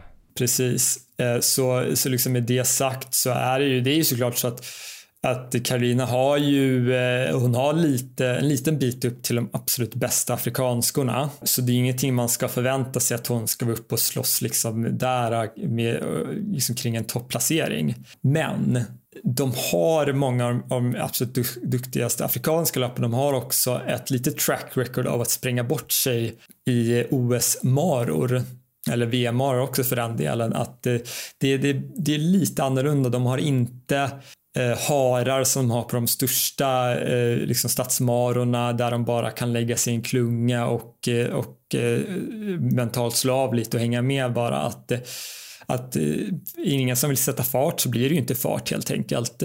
Och eh, blir det fart så är det ju liksom en, en större risk att de eh, springer in sig själva i väggen på grund av, eh, av hettan helt enkelt. Eh, jag tror Carolina känns som att hon har haft en ja, men ganska bra ingång till det här OS med den värmeträning hon har kunnat göra på hemmaplan inför och eh, i och med att de fick ett eh, relativt tidigt besked i alla fall mm. eh, så har hon ju kunnat eh, lägga träningen så som hon vill fram till dess. Och som sagt också med den här värmeacklimatiseringen som blir så viktig just eh, på ja, OS längsta lopp då. Eh, kollar man rent statistiskt så, eh, som sagt hon har ju en fem minuter ungefär upp till de absolut bästa. Men hon ligger ju så att säga ett litet kluster med, eh, med många europeiska tjejer som ligger i den här 226-227 spannet ungefär. Alltså att, jag tror för hennes del ska det ju liksom det, det första målet ska ju vara att försöka ja, men blanda sig i eh, de, ja, att bli en av de bättre eller kanske den bästa europeiska tjejen. Jag tror att många av de europeiska tjejerna kommer ha ganska liknande mål så jag, jag, jag ser framför mig ett scenario där det kommer bildas en en klunga med, eh, ja, med många av de, de bästa europeiskorna som eh, jag tror kommer försöka springa det ganska smart om det är så att eh, eh kenyanskarna och etiopiskarna längst fram drar på i ett vansinnigt tempo från början. Jag tror att det, det, det är så hon kommer få göra sitt lopp. Lägga sig i en, en, bra och en klok klunga och sen så helt enkelt plocka, plocka de som har gått för hårt sen när, när loppet börjar på riktigt efter tre mil. 10 000 meter då, samma dag. Meraf och Sara Lahti, båda kvalade där på stadion en kall majdag. Jag tror det var 8-9 grader. Eh, sprang jättebra, 31.08 och 31.11. Vad gör de i Tokyo tror du? Ja, um, 10 000 är också en, en generellt sett ganska svår grej att, att, spekulera om. Jag tror inte vi behöver spekulera om vilka de, vilka de bästa internationella löparna är där, för där har vi ju haft två världsrekord satta i mm. år och där uh, så kommer inte Sara och Mera få någon chans att haka på. Men där bakom så ja, men så är det ganska tajt bland liksom de övriga löparna och eh, både Mera och Sara ligger ju så att säga i ett spann med de, med de absolut bästa europeiska tjejerna, till exempel Lilish McCoglan och Konstanze Klosterhalfen. Så jag tror där att eh, de kommer att eh, ja, få göra upp lite med, med sina europeiska kollegor och eh, försöka hänga på de bästa amerikanska tjejerna som, som bör vara lite bättre men fortfarande liksom in ett, inom ett sånt avstånd att de kommer kunna hänga på och utmana. Eh, 10 000 också, så där, det är en, eh, kommer vara en jäkla tuff gren i den här värmen också. Så att det är ju självklart också någonting som kan ställa till. Eh, så att eh, jag tror att eh, de absolut kommer ha chansen på en topp 8 placering där. Mm. För jag tror som sagt att det kommer vara några som kommer gå ut lite ambitiöst där, vilket kommer ge Sara och Mera chansen att plocka en del på slutet. Båda av dem är ganska smarta löpare och framförallt Meraf har en riktigt bra spurt på sista varvet. Så hon kommer ju kunna besegra de eh, löpare som, eh, som hon ligger med in på sista varvet. Där som sagt, jag tror inte att hon kommer ligga med allra längst fram in på sista varvet, men kommer absolut ha chansen att spurta ner eh, det sällskap som är med henne då. Superbra Elmar, åtta svenska duktiga löpare i fem olika grenar. Men i övrigt då, det finns ju såklart massa annan kul löpning man vill se och många som lyssnar på den här podden kanske ska försöka se allt, jag vet inte. Men eh, om mm. man inte orkar se allt, eh, vad får man absolut inte missa då i alla fall under OS och löpning? Mm. Jag, har, eh, jag har fem grejer här som jag tycker att man ska hålla lite extra utkik efter. Mm. Den första grejen som jag vill lyfta lite det är en ung amerikansk tjej som heter Athing Moo. Mm. Som slagit igenom med eh, buller och bång i år. Hon är bara 19 år och gick ut ja, high school och motsvarande gymnasiet förra året dotter till en sydsudansk immigrant i USA. Hon fullständigt dominerade de amerikanska uttagningarna mot eh, andra amerikanska 8 tjejer som liksom alla är sådana som brukar kunna utmana om medaljerna. Så hon visade ju verkligen sin klass där. Hon har gjort det under 50 sekunder på 400 också. Eh, så det kommer bli väldigt, väldigt spännande att se vad en så pass ung tjej kommer kunna göra på OS. Jag håller henne som, som favorit där och eh, det är en tjej som är lätt att känna igen på att hon är fruktansvärt lång, har väldigt långa ben. Eh, så det är ett ungt stjärnskott som jag tycker att man absolut inte får missa. Och eh, jag tror att damernas 800 inleds väl redan första dagen va? Ja men precis, eh, klockan tre svensk tid borde det vara eh, första dagen, stämmer? Mm. Det stämmer nog bra. Jag har allting i Tokyo-tid bara tyvärr. Ah, okay. Men ja. jag tror att det är, är, eh, är väldigt nära sanningen. Sen så vill jag också lyfta fram eh, herrarnas 800 meter och där vill jag inte lyfta fram någon någon specifik löpare utan jag vill lyfta fram hur ovisst det är i den grenen. Den, eh, den regerande världsmästaren och han som alla fall om man hade frågat de flesta i vintras var favorit på OS. Donovan Brashear eh, hade ett katastrofalt lopp på amerikanska OS-uttagningen och blev sist i finalen där och kommer inte med på OS. Men det är ett fullständigt kluster av duktiga löpare där bakom. Vi har ju pratat om Andreas Kramer som sagt. Eh, men där bakom så har vi till exempel Nigel Amos som tog medalj redan eh, när eh, David Rissa slog världsrekord i London 2012 då han var junior fortfarande. Nu har han växt till sig lite och är år världsetta. Vi har Clayton Murphy som tog brons senast på 800 meter. Vi har flera duktiga britter. Det stora stjärnskottet där är eh, Oliver Dustin eh, för 2000 som gjort en 43,82 i år. Elliot Giles var det stora stjärnskottet inomhus i vinter. Så det blir, eh, det blir en väldigt, väldigt spännande grej att följa. Det är liksom, du kan gå ner till plats eh, nästan 80 på världslistan och hitta folk som, som kommer kunna utmana i en final. Så att det, det säger mycket om, om eh, bredden där och eh, just ovissheten i en så, så taktisk gräns som 800 så det tycker jag verkligen inte man ska missa och där sa vi som sagt eh, första rundan där är ju dag två mm. Andreas Kramer springer om det kanske runt fyra tiden då den 31 juli. Just det. Nästa grej då? Det här tycker jag kanske är den mest spännande grejen på hela OS. Det är eh, holländska superstjärnan Sifan Hassan som annonserat eh, att hon ska försöka ta en trippel. Mm. Hon ska springa 1500 meter, 5000 meter, 10 000 meter. Hon är anmäld och eh, har väl uttalat att hon, det är hennes mål. Sen tror jag att eh, som sagt vi får avvakta och se om det faktiskt blir så. Men jag tror egentligen att reglerna är så att du får inte du får inte, inte ställa upp en gren för då, då blir du diskad från resten av tävlingarna. Så att jag tror att hon är committed till att göra den här trippen som skulle vara en historisk trippel. Mm. Extremt svårt att se att hon skulle vinna alla de tre. Hon tillhör ju de absolut bästa i världen i alla de tre grenarna. Men det är ju ett ohyggligt tufft program, framförallt eh, liksom i den här hettan att försöka hantera det. Eh, jag tror att första grenen där är väl 5000 som vi diskuterade tidigare. Jag tror det tuffa där är att eh, samma dag som hon då kommer springa 5000 final, då har hon försök på 1500 meter samma morgon.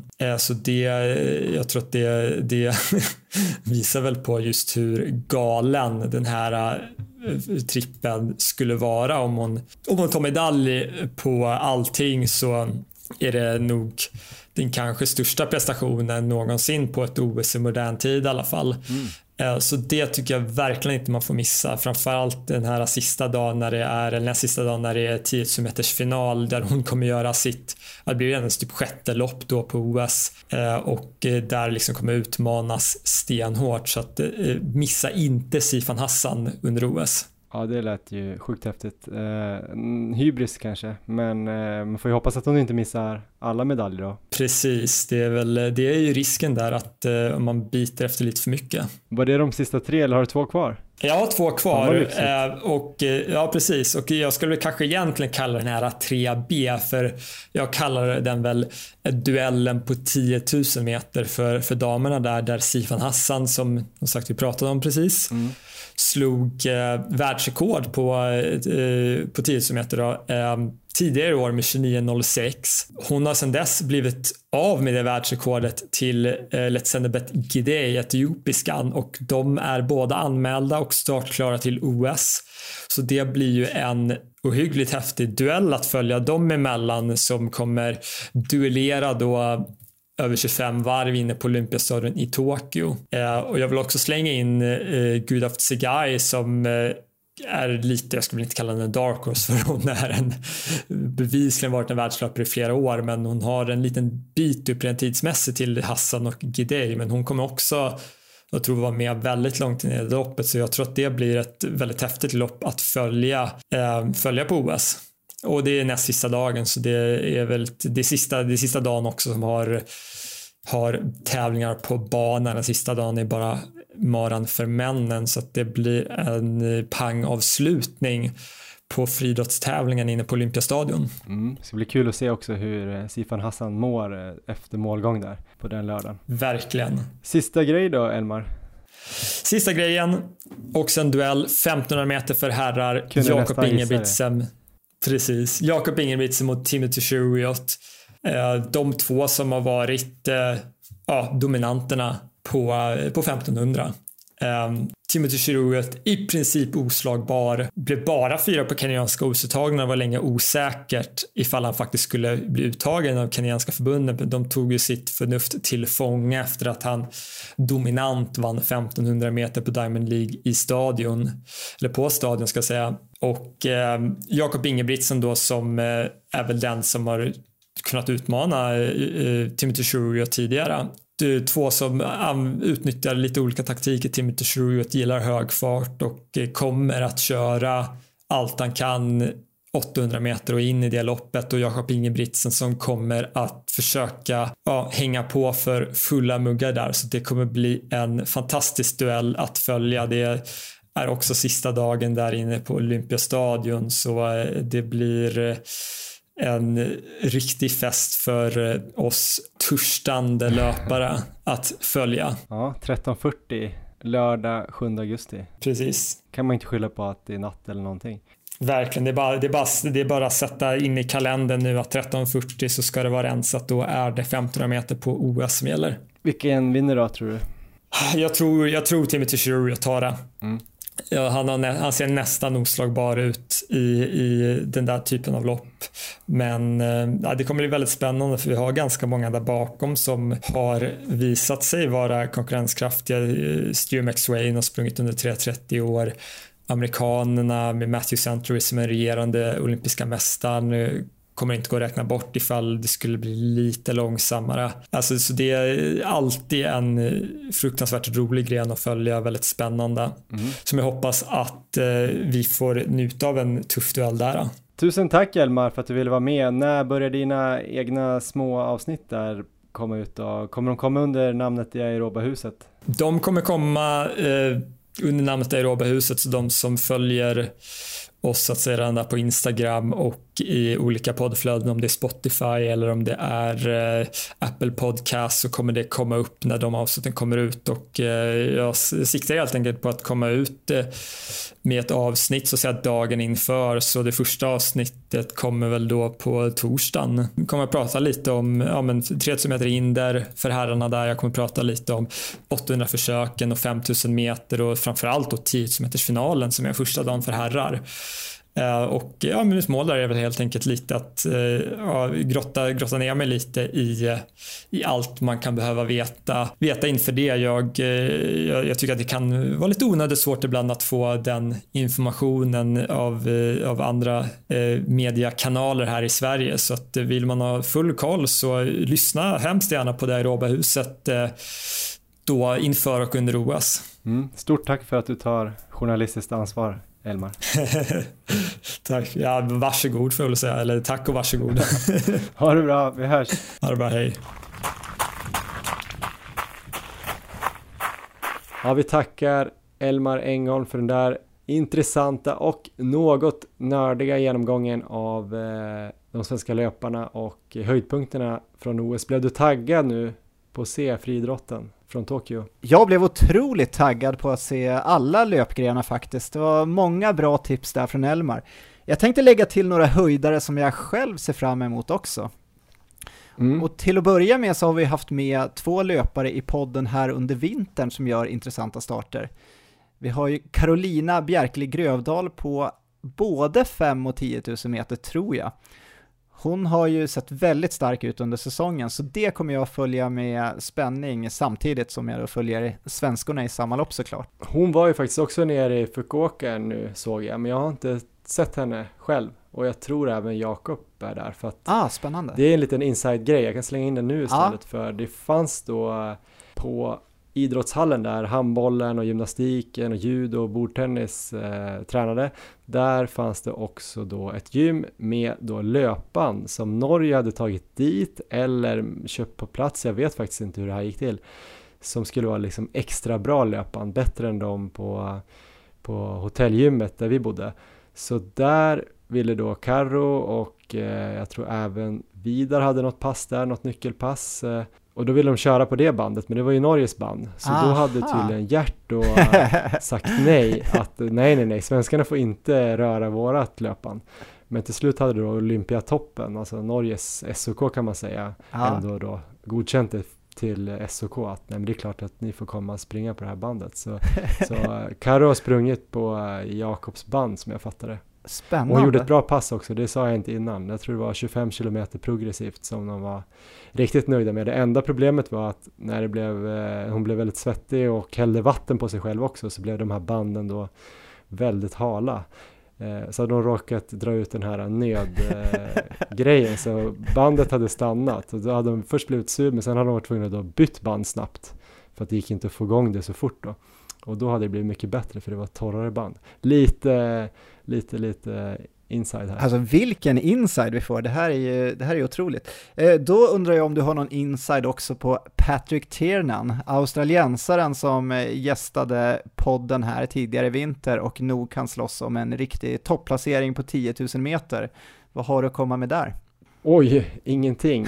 Han var med i en väldigt bra intervju som jag har lyssnat på flera gånger i Maratonlabbet. Jag har ja. kört en massa av hans pass. Tyvärr så räckte inte det att klara hans pass för att uh, klara målet på 10 000 meter här för mig. Men jag har faktiskt inte följt honom så himla bra, så det ska bli kul att höra vad du har att säga om honom. Ja, nej men det rekommenderar jag återigen att lyssna på. Det var ju som sagt mycket bra pass i den intervjun och jag tror han kommer placera sig väldigt högt på 10 000 meter.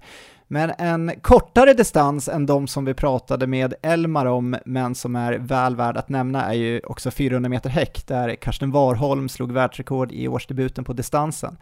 Och han utmanas hårt av flera i det här loppet, så det ska man inte missa. Det blir ju mycket Norge här, men vi gillar ju Norge och eh, vi håller ju på dem när vi inte har några svenskar med. Och mitt sista tips, eh, även om inte det är friidrott, Eh, så är det ändå löpning och där har vi också med eh, två norska atleter och då handlar det om triathlon där jag tycker det ska bli riktigt spännande att följa Christian Blumenfeldt och Gustav Idan som båda slåss om medaljer. Så det är ju, det är mina extra bonustips här. Sen slänger jag också in ett till, kommer jag på här, och det är ju, vi har ju faktiskt ett, ett svenskt medaljhopp igång med Perseus Karlström. Jag följde VM-loppet när han tog brons och det var riktigt imponerande borta i Doha i värmen där. Han kan mycket väl ta medalj och eh, till och med guld. Eh, det var nog alla bonustips jag hade. ja, det låter som att eh, det kommer bli mycket tv-timmar på Erik Olofsson här framöver efter det här 24 timmars loppet. Det blir högläge och popcorn och saft och OS hela natten och dagen. Ja men det är så bra planerat hela den här sommaren känner jag. Det blir ju springa långt och sen bara kolla på OS. Ja, jag fattar inte vad jag gör här. Jag kommer ju inte hinna se någonting. Jag ska ju typ eh, ut och följa skit, eh, alltså lerduva och bågskytte här i början. Men jag tror jag kanske kan streama lite friidrott också samtidigt. Nej, det ska bli kul. Det ska bli jävligt kul att se vad det här OS har att erbjuda och jag har fått en liten glimt av Tokyo nu och det ser ändå rätt fantastiskt ut så jag hoppas jag får åka in till city någon dag och strosa lite och käka en riktigt bra sushi. Underbart Johan, då ska jag börja packa ihop eh, allting här, förhoppningsvis få med mig allting och sen åka vidare till Skövde. Vad händer nu eh, den eh, närmaste tiden då i Japan? Det är invigning idag va, när vi spelar in? Ja men precis Erik, det har ju varit invigning nu, helt folktom arena. Vi hade en utsänd då som fick stå i mixed zone och rapportera. Jag har inte sett det själv. Sen rullar det väl igång lite med simning här, lite försök. Eh, det kan ju bli spännande. Det är väl främst Sara som kan tampas om medaljer där tror jag. Så är det ju också handboll. Dra igång både damer och herrar. Fotbollen kanske fortsätter spela snart. Det var ju superbra match här mot USA. Men det absolut viktigaste och mest intressanta här i helgen händer ju faktiskt väldigt långt från Japan och det är ju Skövde. Och hur det har gått där för Erik på 24 timmars kommer ni få höra om ni bara hänger kvar här nu i några sekunder så kommer vi till del två.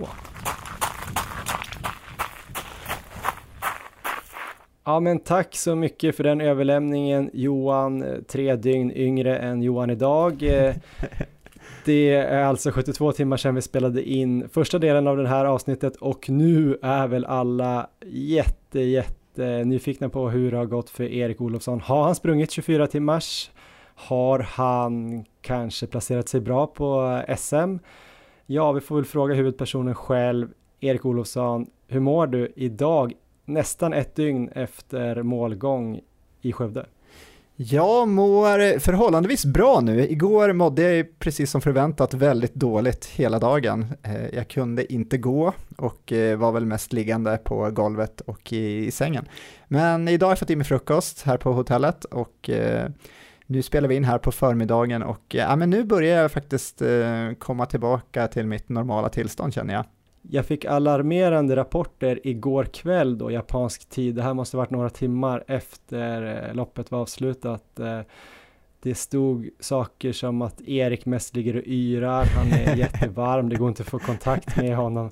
Vad ska jag göra? Jag bara, eh, ja, ring en ambulans kanske. Fråga inte mig. Nej, men eh, jag gav några tips vad ni kunde göra. Men eh, hur mådde du egentligen efteråt?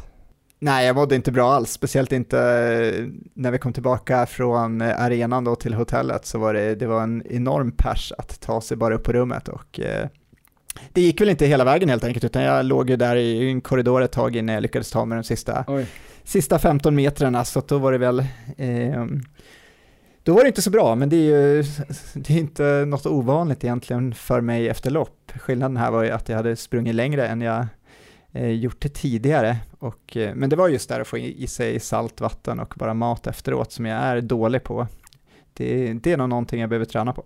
Men nu har vi avslöjat att du kom i mål i alla fall. Eh, om vi ska spola tillbaks lite då till starten eller eh, till den här tävlingen när den sattes igång. Hur, hur gick det? Ska vi avslöja direkt hur det gick eller hur vill du göra? Du får berätta, du får köra en race report. Ja, men jag kan väl ta det från början då. Det blir väl, kan väl bli lite spännande för de som inte vet. Eh, så jag och Marie var på plats på arenan i Skövde redan en och en halv timme innan start. Och där träffade vi bland annat Jonny Hellneby, som ju gästade podden här tidigare i vinter och som i det avsnittet gav mig, eller gav oss en massa ovärdeliga tips då som jag har tagit med mig under året i den här satsningen. Jonny var ju där för att han skulle supporta Sebastian Pokorny som väl får sägas vara eh, favorit till guldet här efter flera riktigt bra insatser på framförallt 12 timmars och 100 kilometer. Eh, mm. supertrevlig och sympatisk kille som jag hann prata med både innan och under och efter loppet. Och en annan supertrevlig och sympatisk kille och även lyssnare av podden är Bill Öster som kom fram och eh, pratade med mig precis innan start. Och i detta sammanhang, eh, Ultra då, så får man väl säga att Bill är ju en ung talang här, han är blott 26 år. Men han skulle, precis som jag, göra debut här på 24 timmars. Häftigt. Du är lite av en gammal talang eller är du en medelålders talang i ultravärlden? Men jag kanske är medelålders, jag kanske har någon, ja, jag skulle tro att jag ligger där någonstans. Det är ju många som springer. Du är ändå talang. Tack Johan. Det är ändå många som springer en bra bit över 50 och springer otroligt bra. Eh, och det var ju flera deltagare där som hade kommit upp eh, en bra bit i åldern som imponerade stort sen på banan. Och starten var klockan 12 mitt på dagen och det var cirka 26-28 grader som väntat. Så det var varmt och soligt och vi visste att det skulle hålla i sig hela dagen. Men det kändes tryggt att ha fått träna på det här i Halmstad för tre veckor sedan. Eh, där var det ju i princip identiskt väder. Och en rolig detalj var att jag märkte redan vid starten att flera andra hade följt det här tipset om kylhandduk över axlarna som jag nämnde i det senaste poddavsnittet. Bland mm. annat där så eh, var det Elin Hartelius som vann SM-klassen sen för damer, hon tackade för tipset där redan innan start. Och sen så såg jag att hon körde med eh, den här kylhandduken frekvent under hela loppet, precis som jag. Och på start den här dagen fanns ju också en riktig världsstjärna i de här kretsarna och det är norskan Therese Falk som har nordiskt rekord på 24 timmar med fantastiska 25,1 mil tror jag det är. Eh, jag nämnde ju här när vi spelade in eh, första delen här, vad, var det, vad sa du att det var, 72 timmar sedan?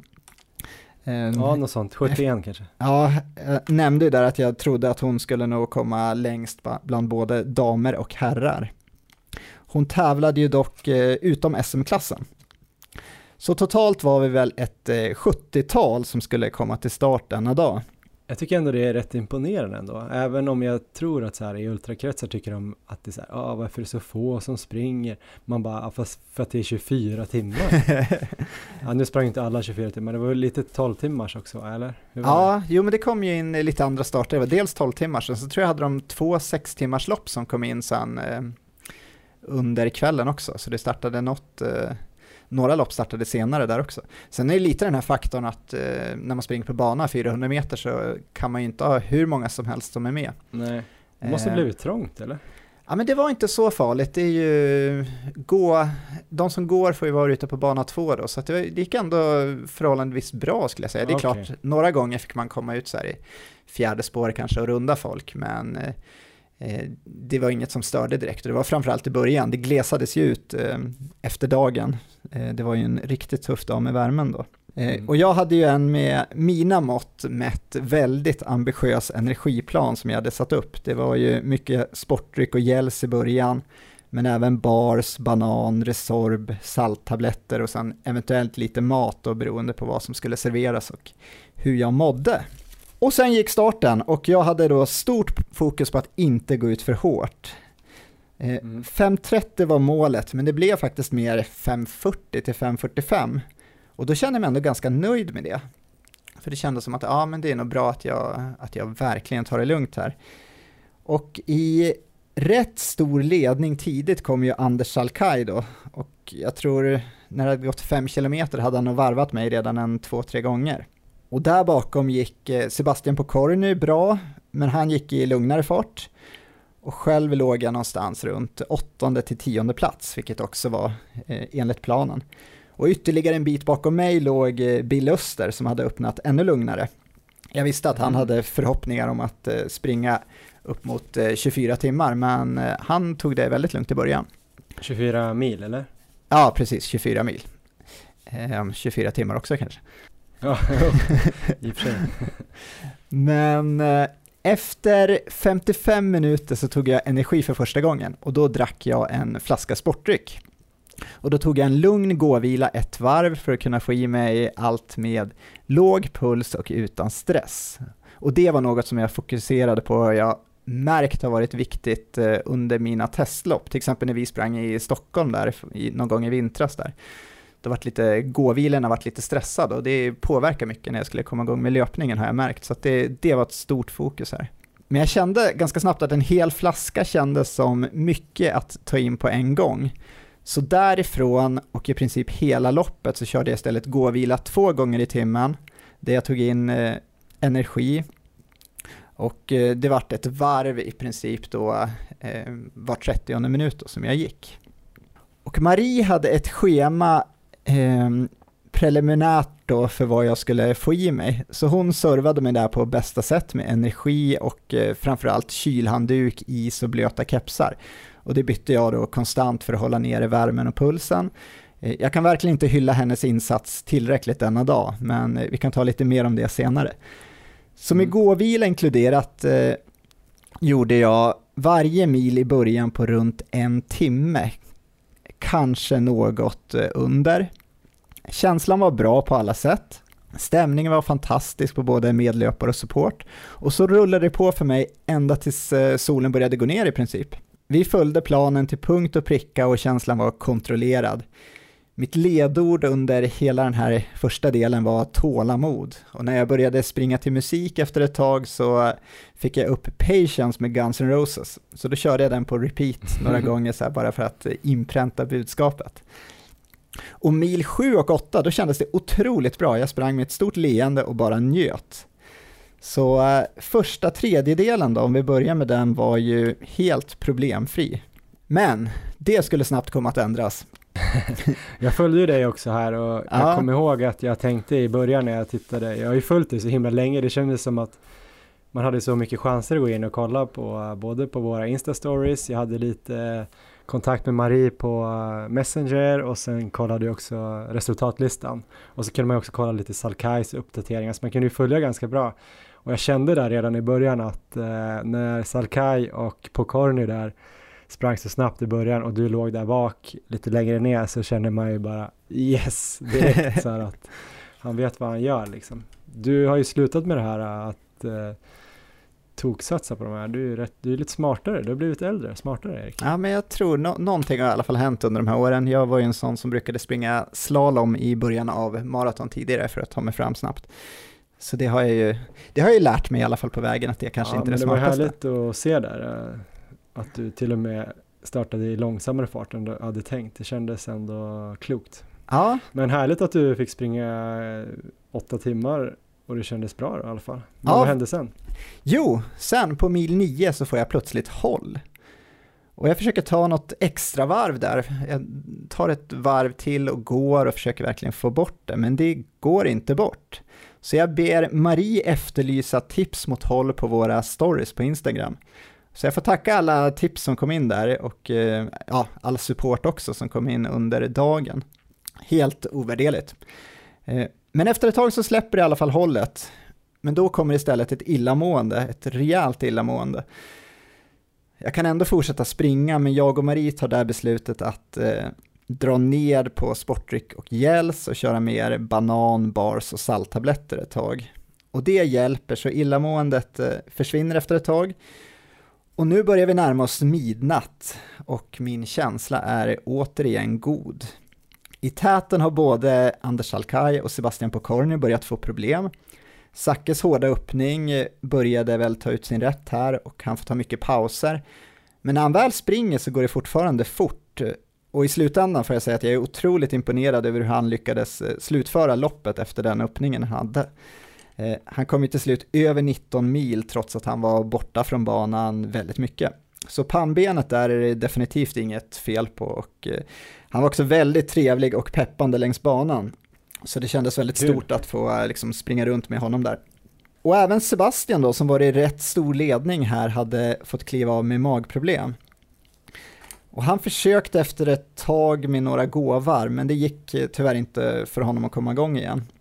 Så han, häng, han hängde ändå kvar till målgången och peppade på oss andra, men det var någon gång där på, ja, runt midnatt där som han fick eh, kliva av. Men någon som inte tappade fart var ju Therese Falk. För efter en lugn öppning, eh, hon startade ju lugnare än mig, så att jag sprang ju om henne eh, flera gånger där i början. Men efter sex timmar så var det nu full fart, så med jämna mellanrum så svepte hon förbi. Det var, det kändes precis som att dela bana med typ Therese Johaug. Det var otroligt imponerande, det var alltså verkligen en maskin. Eh, Kanske är hennes artistnamn i ultravärlden, Therese Johaug, Ja, men det Therese borde, Falk. det borde vara det. Eh, Så det var, ja, det var kul att se. Men vet du hur många 24 timmars hon har sprungit? Har du någon koll på det? Ja, men jag hörde ju en intervju här i Delange löp, eh, det var väl för ett år sedan den kom ut när de intervjuade henne. Så att hon har ju sprungit flera i alla fall och eh, så hon är ju rutinerad och eh, ja men den intervjun kan jag verkligen rekommendera där hon hade många bra idéer och råd och eh, otroligt pannben. Men i herrklassen var jag nu alltså uppe på en tredje plats. Sebastian ledde men var inte på banan. Tvåa ligger Bill Öster som sprang som en klocka. Det var väldigt imponerande att följa.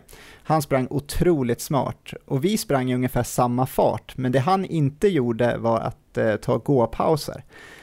Så där drog han ifrån mig. Eh, det hade jag aldrig själv fixat, utan för mig var det nyckel att kunna få i mig energi. Eh, och just att liksom få i mig energin på ett lugnt sätt med låg puls. Så nu är vi framme här vid klockan sådär ett, två på natten. Eh, Jag har stannat för en kort toalettpaus och jag börjar springa igång igen och känner plötsligt en stark yrsel som bara blir värre. Så att jag stapplar ut efter ett tag så här på en yttre löparbana och eh, svimmar. Jaha. Det hände efter, eh, ja, kanske 14 timmar tror jag. Eh, och när jag vaknar upp så får jag hjälp av min kille från Hälle IF. Jag, allt är lite så här eh, oklart vilka som var framme och så, men jag tror det var Micke Gottberg.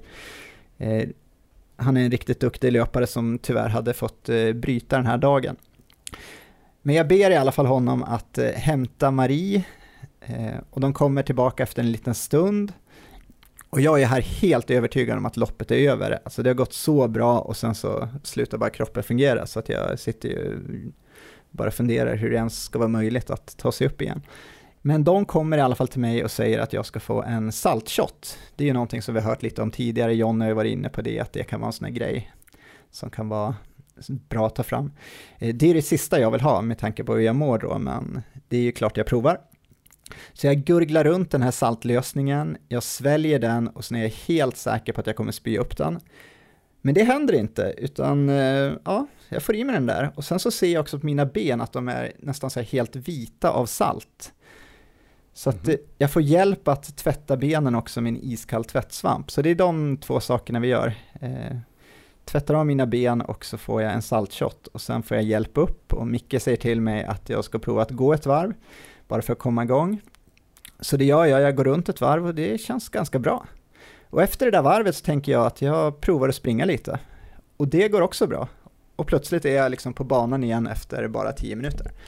Eh, så det, vändning. Ja, det var helt sjukt. Det, det var jätte, ja, märkligt men eh, otroligt att det liksom kan fungera sådär.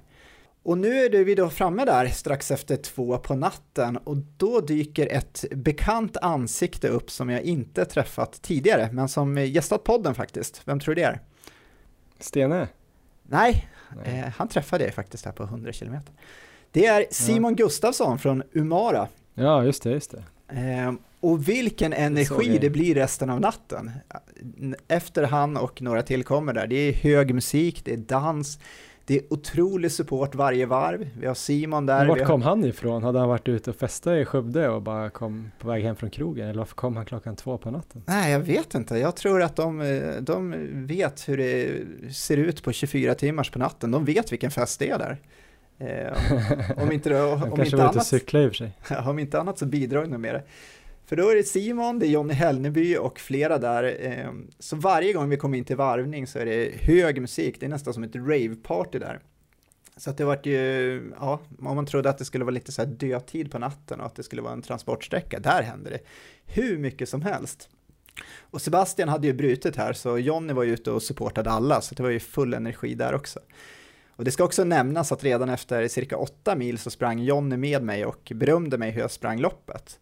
Eh, men han betonade där att det var viktigt liksom att jag skulle hålla mig kall kommande timmar. Så det är ändå ganska fint att när han supportar en annan löpare i samma lopp eh, så kom han ändå fram och eh, peppade mig och liksom gav tips där också. Men det var så jag upplevde hela dagen. Alla försöker liksom peppa alla och hjälpa varandra till bra resultat. Så allt från löpare till support och de som var där i publiken. Och sen på natten där så inkommer ett samtal från dig Johan, ungefär efter 15 timmar löpta tror jag. Vill du återge det samtalet? Jag kommer faktiskt inte ihåg det riktigt exakt, eh, måste jag erkänna. Men det var spännande att höra dig prata, du lät ganska pigg då jag för mig. Vad sa jag? Ja, men jag la in ett, eh, ett gåvarv där så att vi skulle hinna prata en stund. Var, jag hade en bra känsla, för jag kommer ihåg att jag var lite stressad att jag kunde inte prata så länge eftersom att jag ville komma igång och springa. Men ja, jag var, det kommer jag ihåg. Jag var väldigt nyfiken. Jag fattar inte varför, du skulle springa så jävla länge, jag kan inte snacka lite. Jag är i Japan och har tagit lite rast i jobbet här. Du bara, jag måste sluta nu. Det jag framförallt ville veta då var ju hur jag låg till, för det hade jag inte fokuserat så mycket på innan egentligen. Jag hade inte haft ja, någon speciell koll, men nu var det ändå, jag visste att jag hade varit på tredje plats, jag visste ju att jag hade sett att flera hade fått problem, så att jag eh, ville ju veta där hur jag låg till. Så det kollade du upp snabbt där för mig. Och då var det väl att, eh, om jag minns det rätt, att Bill Öster ledde kanske med en 8-9 kilometer till mig och sen så hade jag väl, undrar om jag hade 3 kilometer ner till tredjeplatsen kanske. Ja, det var 3-4 kilometer. Jag tror kanske det var någon gång här Sebastian fortfarande låg på medaljplats. Men Just eftersom det, han hade brutit så visste man ju att ni skulle gå om honom. Så du kanske låg trea, men vi visste att du skulle gå upp som tvåa strax. Ja, men eh, känslan var att det kändes väldigt kontrollerat. Benen kändes mycket bättre än i Halmstad för tre veckor sedan. Och energiplanen fungerade återigen bra. Vi hade kört igång med mycket sportdryck igen efter svimningen. Marie kom ju till mig och sa att Jonny tyckte vi skulle köra på sportdryck. Och det där var ju, det där tyckte jag lät briljant eh, när hon kom och sa det så här att ja men nu har Jonny sagt att jag ska ta sportdryck och han har ju koll, det här kommer bli bra. Det var liksom yes, nu är vi på rätt spår. Sen fick jag höra efteråt när jag pratade med Marie om det där att han hade egentligen bara sagt ja, det kanske inte spelar så stor roll men eh, säg till honom att köra på sportdryck och säg till att jag har sagt det. och det där funkade Aha. så otroligt bra, så det var som en mental boost bara. Jag tänkte att nu är jag på helt rätt spår för John har sagt det, så det är en riktigt sån här briljant grej. Men jag var ju förberedd då på att timmarna nu mellan 14 och 20 skulle vara riktigt tuffa. Men det rullade faktiskt på otroligt fint där. Stämningen var ju på topp på arenan som jag har berättat om. Temperaturen var behaglig. Det kom aldrig någon svacka här. Jag fortsatte med mina gåpauser två gånger i timmen där jag intog energi och det blev någonstans mitt fokus. Det var alltid cirka 25 minuter till nästa gåvarv, fokusera på det. Ska jag ha musik eller inte? Vilken energi blir bäst utifrån vad jag behöver just nu? Så genomgående under hela loppet lyckades jag undvika att tänka på hur långt det var kvar. Så stort tack till Johan Stene och alla andra som har tipsat oss här under våren av vikten att vara i nuet. Det var eh, väldigt, väldigt viktigt under det här dygnet. Och plötsligt så gick ju solen upp igen. Klockan 06 så fick jag två mackor och en kopp kaffe. Riktigt gott. Ja, fy fan vad gott. Jag tycker jag kan leva mig in i det nu. Det skulle vara sjukt gott. ja, det var magiskt. Jag la in, så länge. Jag la in en eh, dubbla varv med gång där också så att jag kunde liksom verkligen äta frukost. Så det var riktigt fint. Eh, och när solen kom fram igen så fick vi återuppta värmeplanen, så då stod Marie igen där med blöta kepsar med is som jag bytte emellan, kylhandduken. Vi körde också tvättsvampar doppade i isvatten. Det var väl den ändringen jag hade gjort då från att hällt vatten över mig själv i Halmstad. Så här kunde jag liksom kyla ner axlar, armar utan att skorna skulle bli genomblöta. Så det funkade bra. Och ställningen i loppet hade jag nu bra koll på gentemot eh, första halvan av loppet. Och Bill Öster han gick ju som en klocka där framme och var i ledning med 9 kilometer. Jag låg tvåa och trea låg Emir Halalkic som var cirka 8 kilometer efter mig och sen var det väl en 3 kilometer till ner till fyran. Så fokus här var ju att säkra medalj och helst silver. Och även om jag hade haft krafter för att kanske börja jaga guldet så hade det nog varit väldigt riskabelt. Jag vet att du var väldigt sugen på att jag skulle börja jaga där med några mil kvar efter guldet. Ja, men jag tänkte på det här som Johan Stene sa, att man skulle utnyttja varje minut på ett 24 timmars lopp och inte ta den här enkla utvägen att tänka så här att man kan ta det lite lugnt eller att man ska safea neråt. Jag tänkte så här, du kanske aldrig mer får så bra chans att ta ett SM-guld någonsin. Det vet man ju aldrig. Du kanske Nej. tar det nästa år liksom, men eh, det kan ju vara så att det här var din chans. Det var då jag bara tänkte så här, det är så lätt att bara säkra upp någonting bakåt och titta bakåt. Men fan, Bill kan ju kanske tappa lite. Det var därför jag bara ville eh, vända på den stenen också. Men han, han verkade ju pigg där framme så det hade varit svårt. Ja, jag förstår. Nej, det, det visste jag att han, det kunde komma en svacka där också, men han såg väldigt stabil ut. Och det kändes som att både så kramp och kanske ett nytt fall av saltbrist och svimning var möjliga om jag skulle börja öka, så att jag, jag fortsatte med planen och avståndet var mer eller mindre konstant både uppåt och nedåt. Och till slut var klockan 11 och vi hade bara en timme kvar att springa. Och då visste jag att jag skulle säkra silver om jag bara gick i mål resten av loppet. Och jag skulle landa någonstans på eh, 21 mil, jag kunde inte nå 22 mil. Och jag visste av erfarenhet att om jag nu tar ut allt så kommer jag inte ens kunna gå eller ta mig någonstans på flera timmar. Jag tyckte lite synd om Marie som skulle vara tvungen att ta hand om mig efter. Så det var min plan där, ta liksom en lugn mil nu. Och då kommer Micke Gottberg fram i alla fall och meddelar att jag, om jag tar mig över 21 och en halv mil så har jag kvalificerat mig för landslagsgruppen. Så då var det ju bara att börja slita på där sista timmen, trots allt. Eh, vilket ju på något sätt ändå var bra eftersom att, eh, ja men som du pratar om, den här enkla vägen ut och sådär, då vart det ju här, eh, då, ja det är ju bara svaghet egentligen, så att eh, det är klart jag kunde springa på. Och sista timmen var också otroligt rolig med fantastisk stämning inne vid varje varvning, hög musik, pepp, eh, jubel till alla löpare. Så det är något jag kan rekommendera alla, även om man inte springer eller supportar själv, så gå och kolla på sista timmen. För det, det är i alla fall min bild av 24 timmars lopp nu. En empirisk studie med väldigt litet urval, men eh, magisk stämning vid målgång och under natten. Och till slut så ljuder skottet som signalerar att tävlingen är över. 216,7 kilometer slutade det på för mig och ett silver i herrklassen. Guldet eh, oerhört välförtjänt till Bill Öster som kom 222,5 kilometer. Han fick ju dock problem där eh, på slutet, så de fick ju klippa upp hans skor har jag sett i efterhand. Hans fötter hade ju svullnat upp rejält. Så sista halvtimmen där, då gick han och stapplade bara, men men fantastiskt. Så om du lyssnar nu Bill, stort grattis igen, otroligt imponerande. Och bronset gick till Emir som höll ihop det bra på tredjeplatsen och kom 208 kilometer. Ehm, men vem tror du kom längst för dagen? Therese Johaug Falk. Det är helt riktigt, som sprang otroliga 242 kilometer. Oj, sjukt. Vad tror du hon hade gjort om det hade varit eh, lite mer normal temperatur då? Ja, jag kan, kan, inte ens tänka på det, men dels värmen och dels så sprang hon osupportad. Så att hon, jag såg att hon var inne och tog sådana här ja, eh, muggar med sportdryck som de hade placerat in där och så, så hon hade ju ingen som var där på plats och hjälpte henne.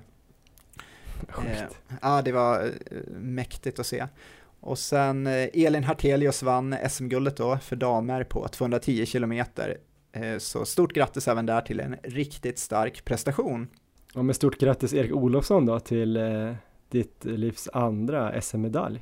Helt sjukt ju, 21,6 mil. Det ja. måste du vara svinnöjd med Ja, alltså det känns helt fantastiskt. Och det här silvret som jag fick med mig igår går lika mycket till Marie som var med och supportade och eh, peppade mig hela vägen där.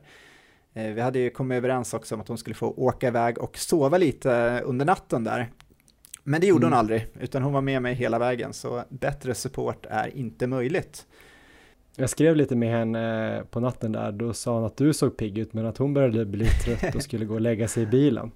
Men sen hade hon väl inte kunnat somna som jag fattade, så hon hade bara gått tillbaks. Så ja, ja mäktigt jobb där och eh, bra rapport på Insta-stories också. Jag tror man kan gå in, vi kan lägga upp det kanske sen. Jag kanske inte lovar att jag gör det direkt nu men jag tror man kan lägga upp eh, Eh, så att de kan ligga kvar där så kan man ju se igen om det är någon som inte har sett för det var ganska kul där och det var en bra film där på eh, när det här eh, slutskottet ljuder och du ramlar ihop. Det såg jävligt skönt ut att sluta springa. Ja, jo men det var det verkligen. Och sen strax efter där, då har vi det här problemet då med eh, hur man ska ta sig till prispallen. För jag gick ju i mål på bortre långsidan och på andra sidan var ju prisutdelningen.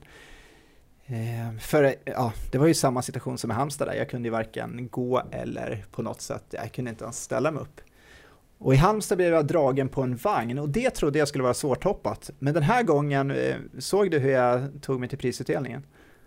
Ja, jag har sett. Ja, jag blev alltså buren sittandes på en stol av Jonny Hellneby och Sebastian Pokorny väldigt underhållande prisutdelning, så här måste jag också säga, där ja, jag står stöttad mot Jonny och ja, jag kan ju, jag kan inte stå så länge så att när Bill Öster då ska komma fram, det går ju så långsamt för hans fötter är svullna upp så mycket så han kan knappt gå fram till prispallen där. Så jag hinner ju få yrsel och måste sätta mig ner medan han kliver upp på pallen. Eh, en riktig ultrapall gissar jag. Hur många gånger bytte du skor?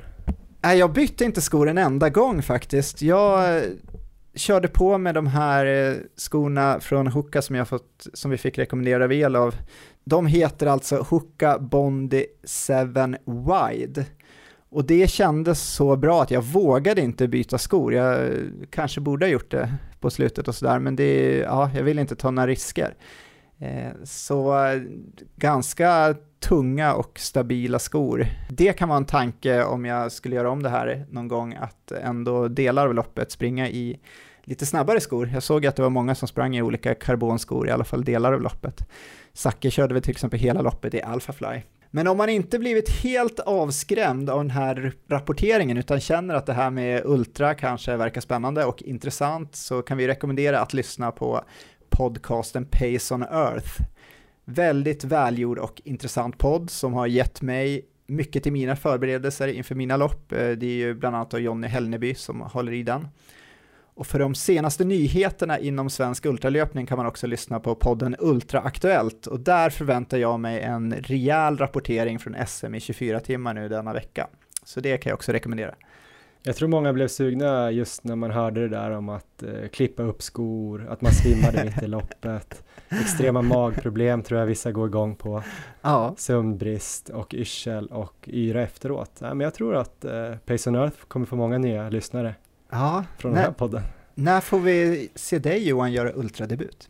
Eh, ja, det får ni ju faktiskt eh, ganska snart. Jag kommer ju springa Bydalen 50 kilometer i fjällen där, 2900 höjdmeter den 21 augusti. 50 kilometer är också en ultra, om en, en kort ultra.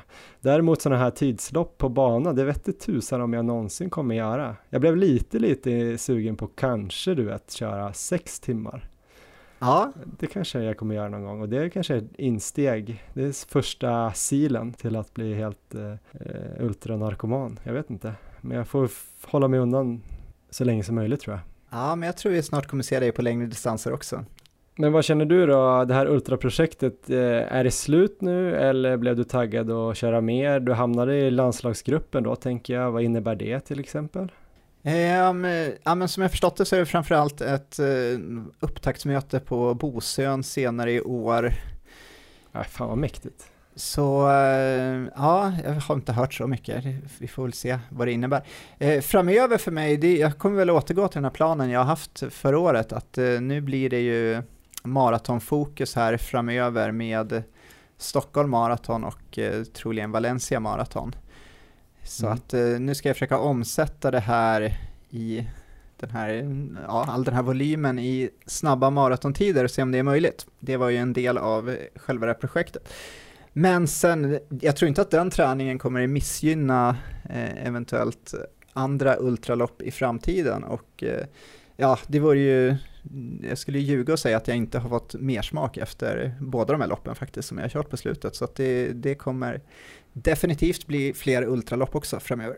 Jävligt spännande. Jag tror ju också att det ska bli spännande att se hur du har utvecklats på maraton. För jag tror att du kan ha gjort det med tanke på att du sprang milen snabbare där i Örebro till exempel än vad du har gjort tidigare. Och eh, det kanske får ännu mer avkastning på, på maraton tänker jag.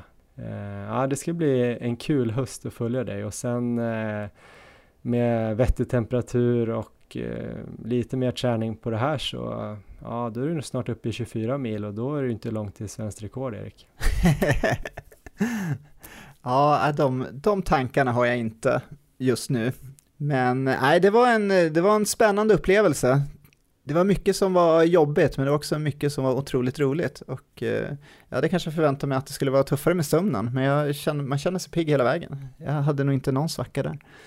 Nej, spännande. Jag är djupt imponerad och eh, använder dig ganska mycket nu när jag står inför jobbiga pass eller jobbiga arbetsuppgifter här i Tokyo. Jag tänker så här, ja det här är lite jobbigt att göra det här eller ja, ska jag springa nu eller ska jag köra 15 minuter styrka? Så tänker jag så här, vad fan, kan jag inte klaga. Erik håller på att springa 24 timmar på en liten jävla löparbana i Skövde.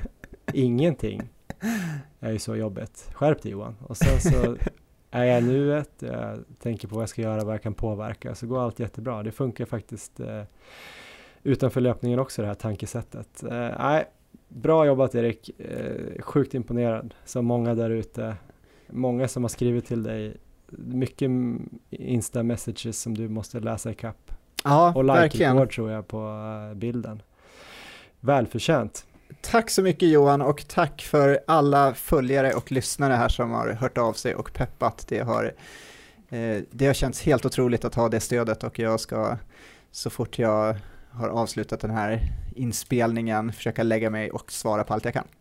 Kul, jag ska nog jobba lite och sen får jag se om jag kan komma ut här i Tokyo-kvällen och, och springa en sådär äh, imponerande 8 kilometers sträcka eller någonting. Men eh, ja, jag är lite inspirerad. Jag sprang ju 6 kilometer igår, eh, en tribute till Silvermannen. Faktiskt, i nästan, i mitt 24 timmars, i min 24 timmars fart. Var det på löparbana eller? Nej, det var det inte. Det var bland det sjukaste slinga jag någonsin har sprungit med Tokyo Citys skyline i bakgrunden på andra sidan en sjö, eller hav är det väl nej, det var mäktigt, en strandpromenad. Jag ska nog dit eh, ikväll också. Smygspringa lite. Säg inte till någon. Men jag snart lovar. är jag fri. Snart har jag varit här i 14 dagar. Va? jag lovar. Ja, nej men eh, kolla lite på Instagram, där heter vi Maratonlabbet. Kolla på Strava. Finns det ett 24 timmars pass där på Strava nu eller höll klockan så långt? Ja, det är redan uppe och det är nog på kilometern korrekt tror jag. Det här track mode är ju ganska magiskt där. Så jag tror det lyckades pricka, pricka helt precis. Ja, du kör fortfarande Koros? Ja, stämmer. Så det var den klockan jag körde ja. på. Otrolig batteritid som ju räckte mer än väl för hela loppet och med det här track mode så funkade det ju så att jag fick eh, hela loppet korrekt. Ja, men gå in och följ Erik Olofsson där på Strava så behöver ni aldrig känna att ni springer för mycket igen. Att, eh, det finns alltid någon som slår er då. Eh, vi måste nog runda av här och kommer förhoppningsvis eh, tillbaka här om två veckor eh, och då vet jag inte vad vi kommer prata om Erik, men förhoppningsvis någon intervju med någon eh, löpare som har tävlat i OS, hoppas jag. Ja, Kanske Carolina Wikström. Idag gick det faktiskt rykten här om att jag kanske kommer få åka upp till Sapporo och eh, följa maratontävlingarna där sista helgen. Jag vågar inte ta ut det här i förskott än. oj vad kul, hoppas. Mm. Eh, Så i sådana fall blir det en rapport eh, från det i alla fall. Eh, Men som sagt, jag vågar inte tro på något innan jag sitter på det planet. Det är lite krångligt att resa här och jag har inte riktigt fått slutgiltiga beskedet. Vågar vi redan nu utlova en intervju med Eliud Kipchoge också? Jag ska försöka, Bra. kanske inte till podden, men jag ska försöka prata med, med Gud. Tack för idag Erik, stort grattis igen eh, och hälsa Marie. Det ska jag göra. Stort tack Johan.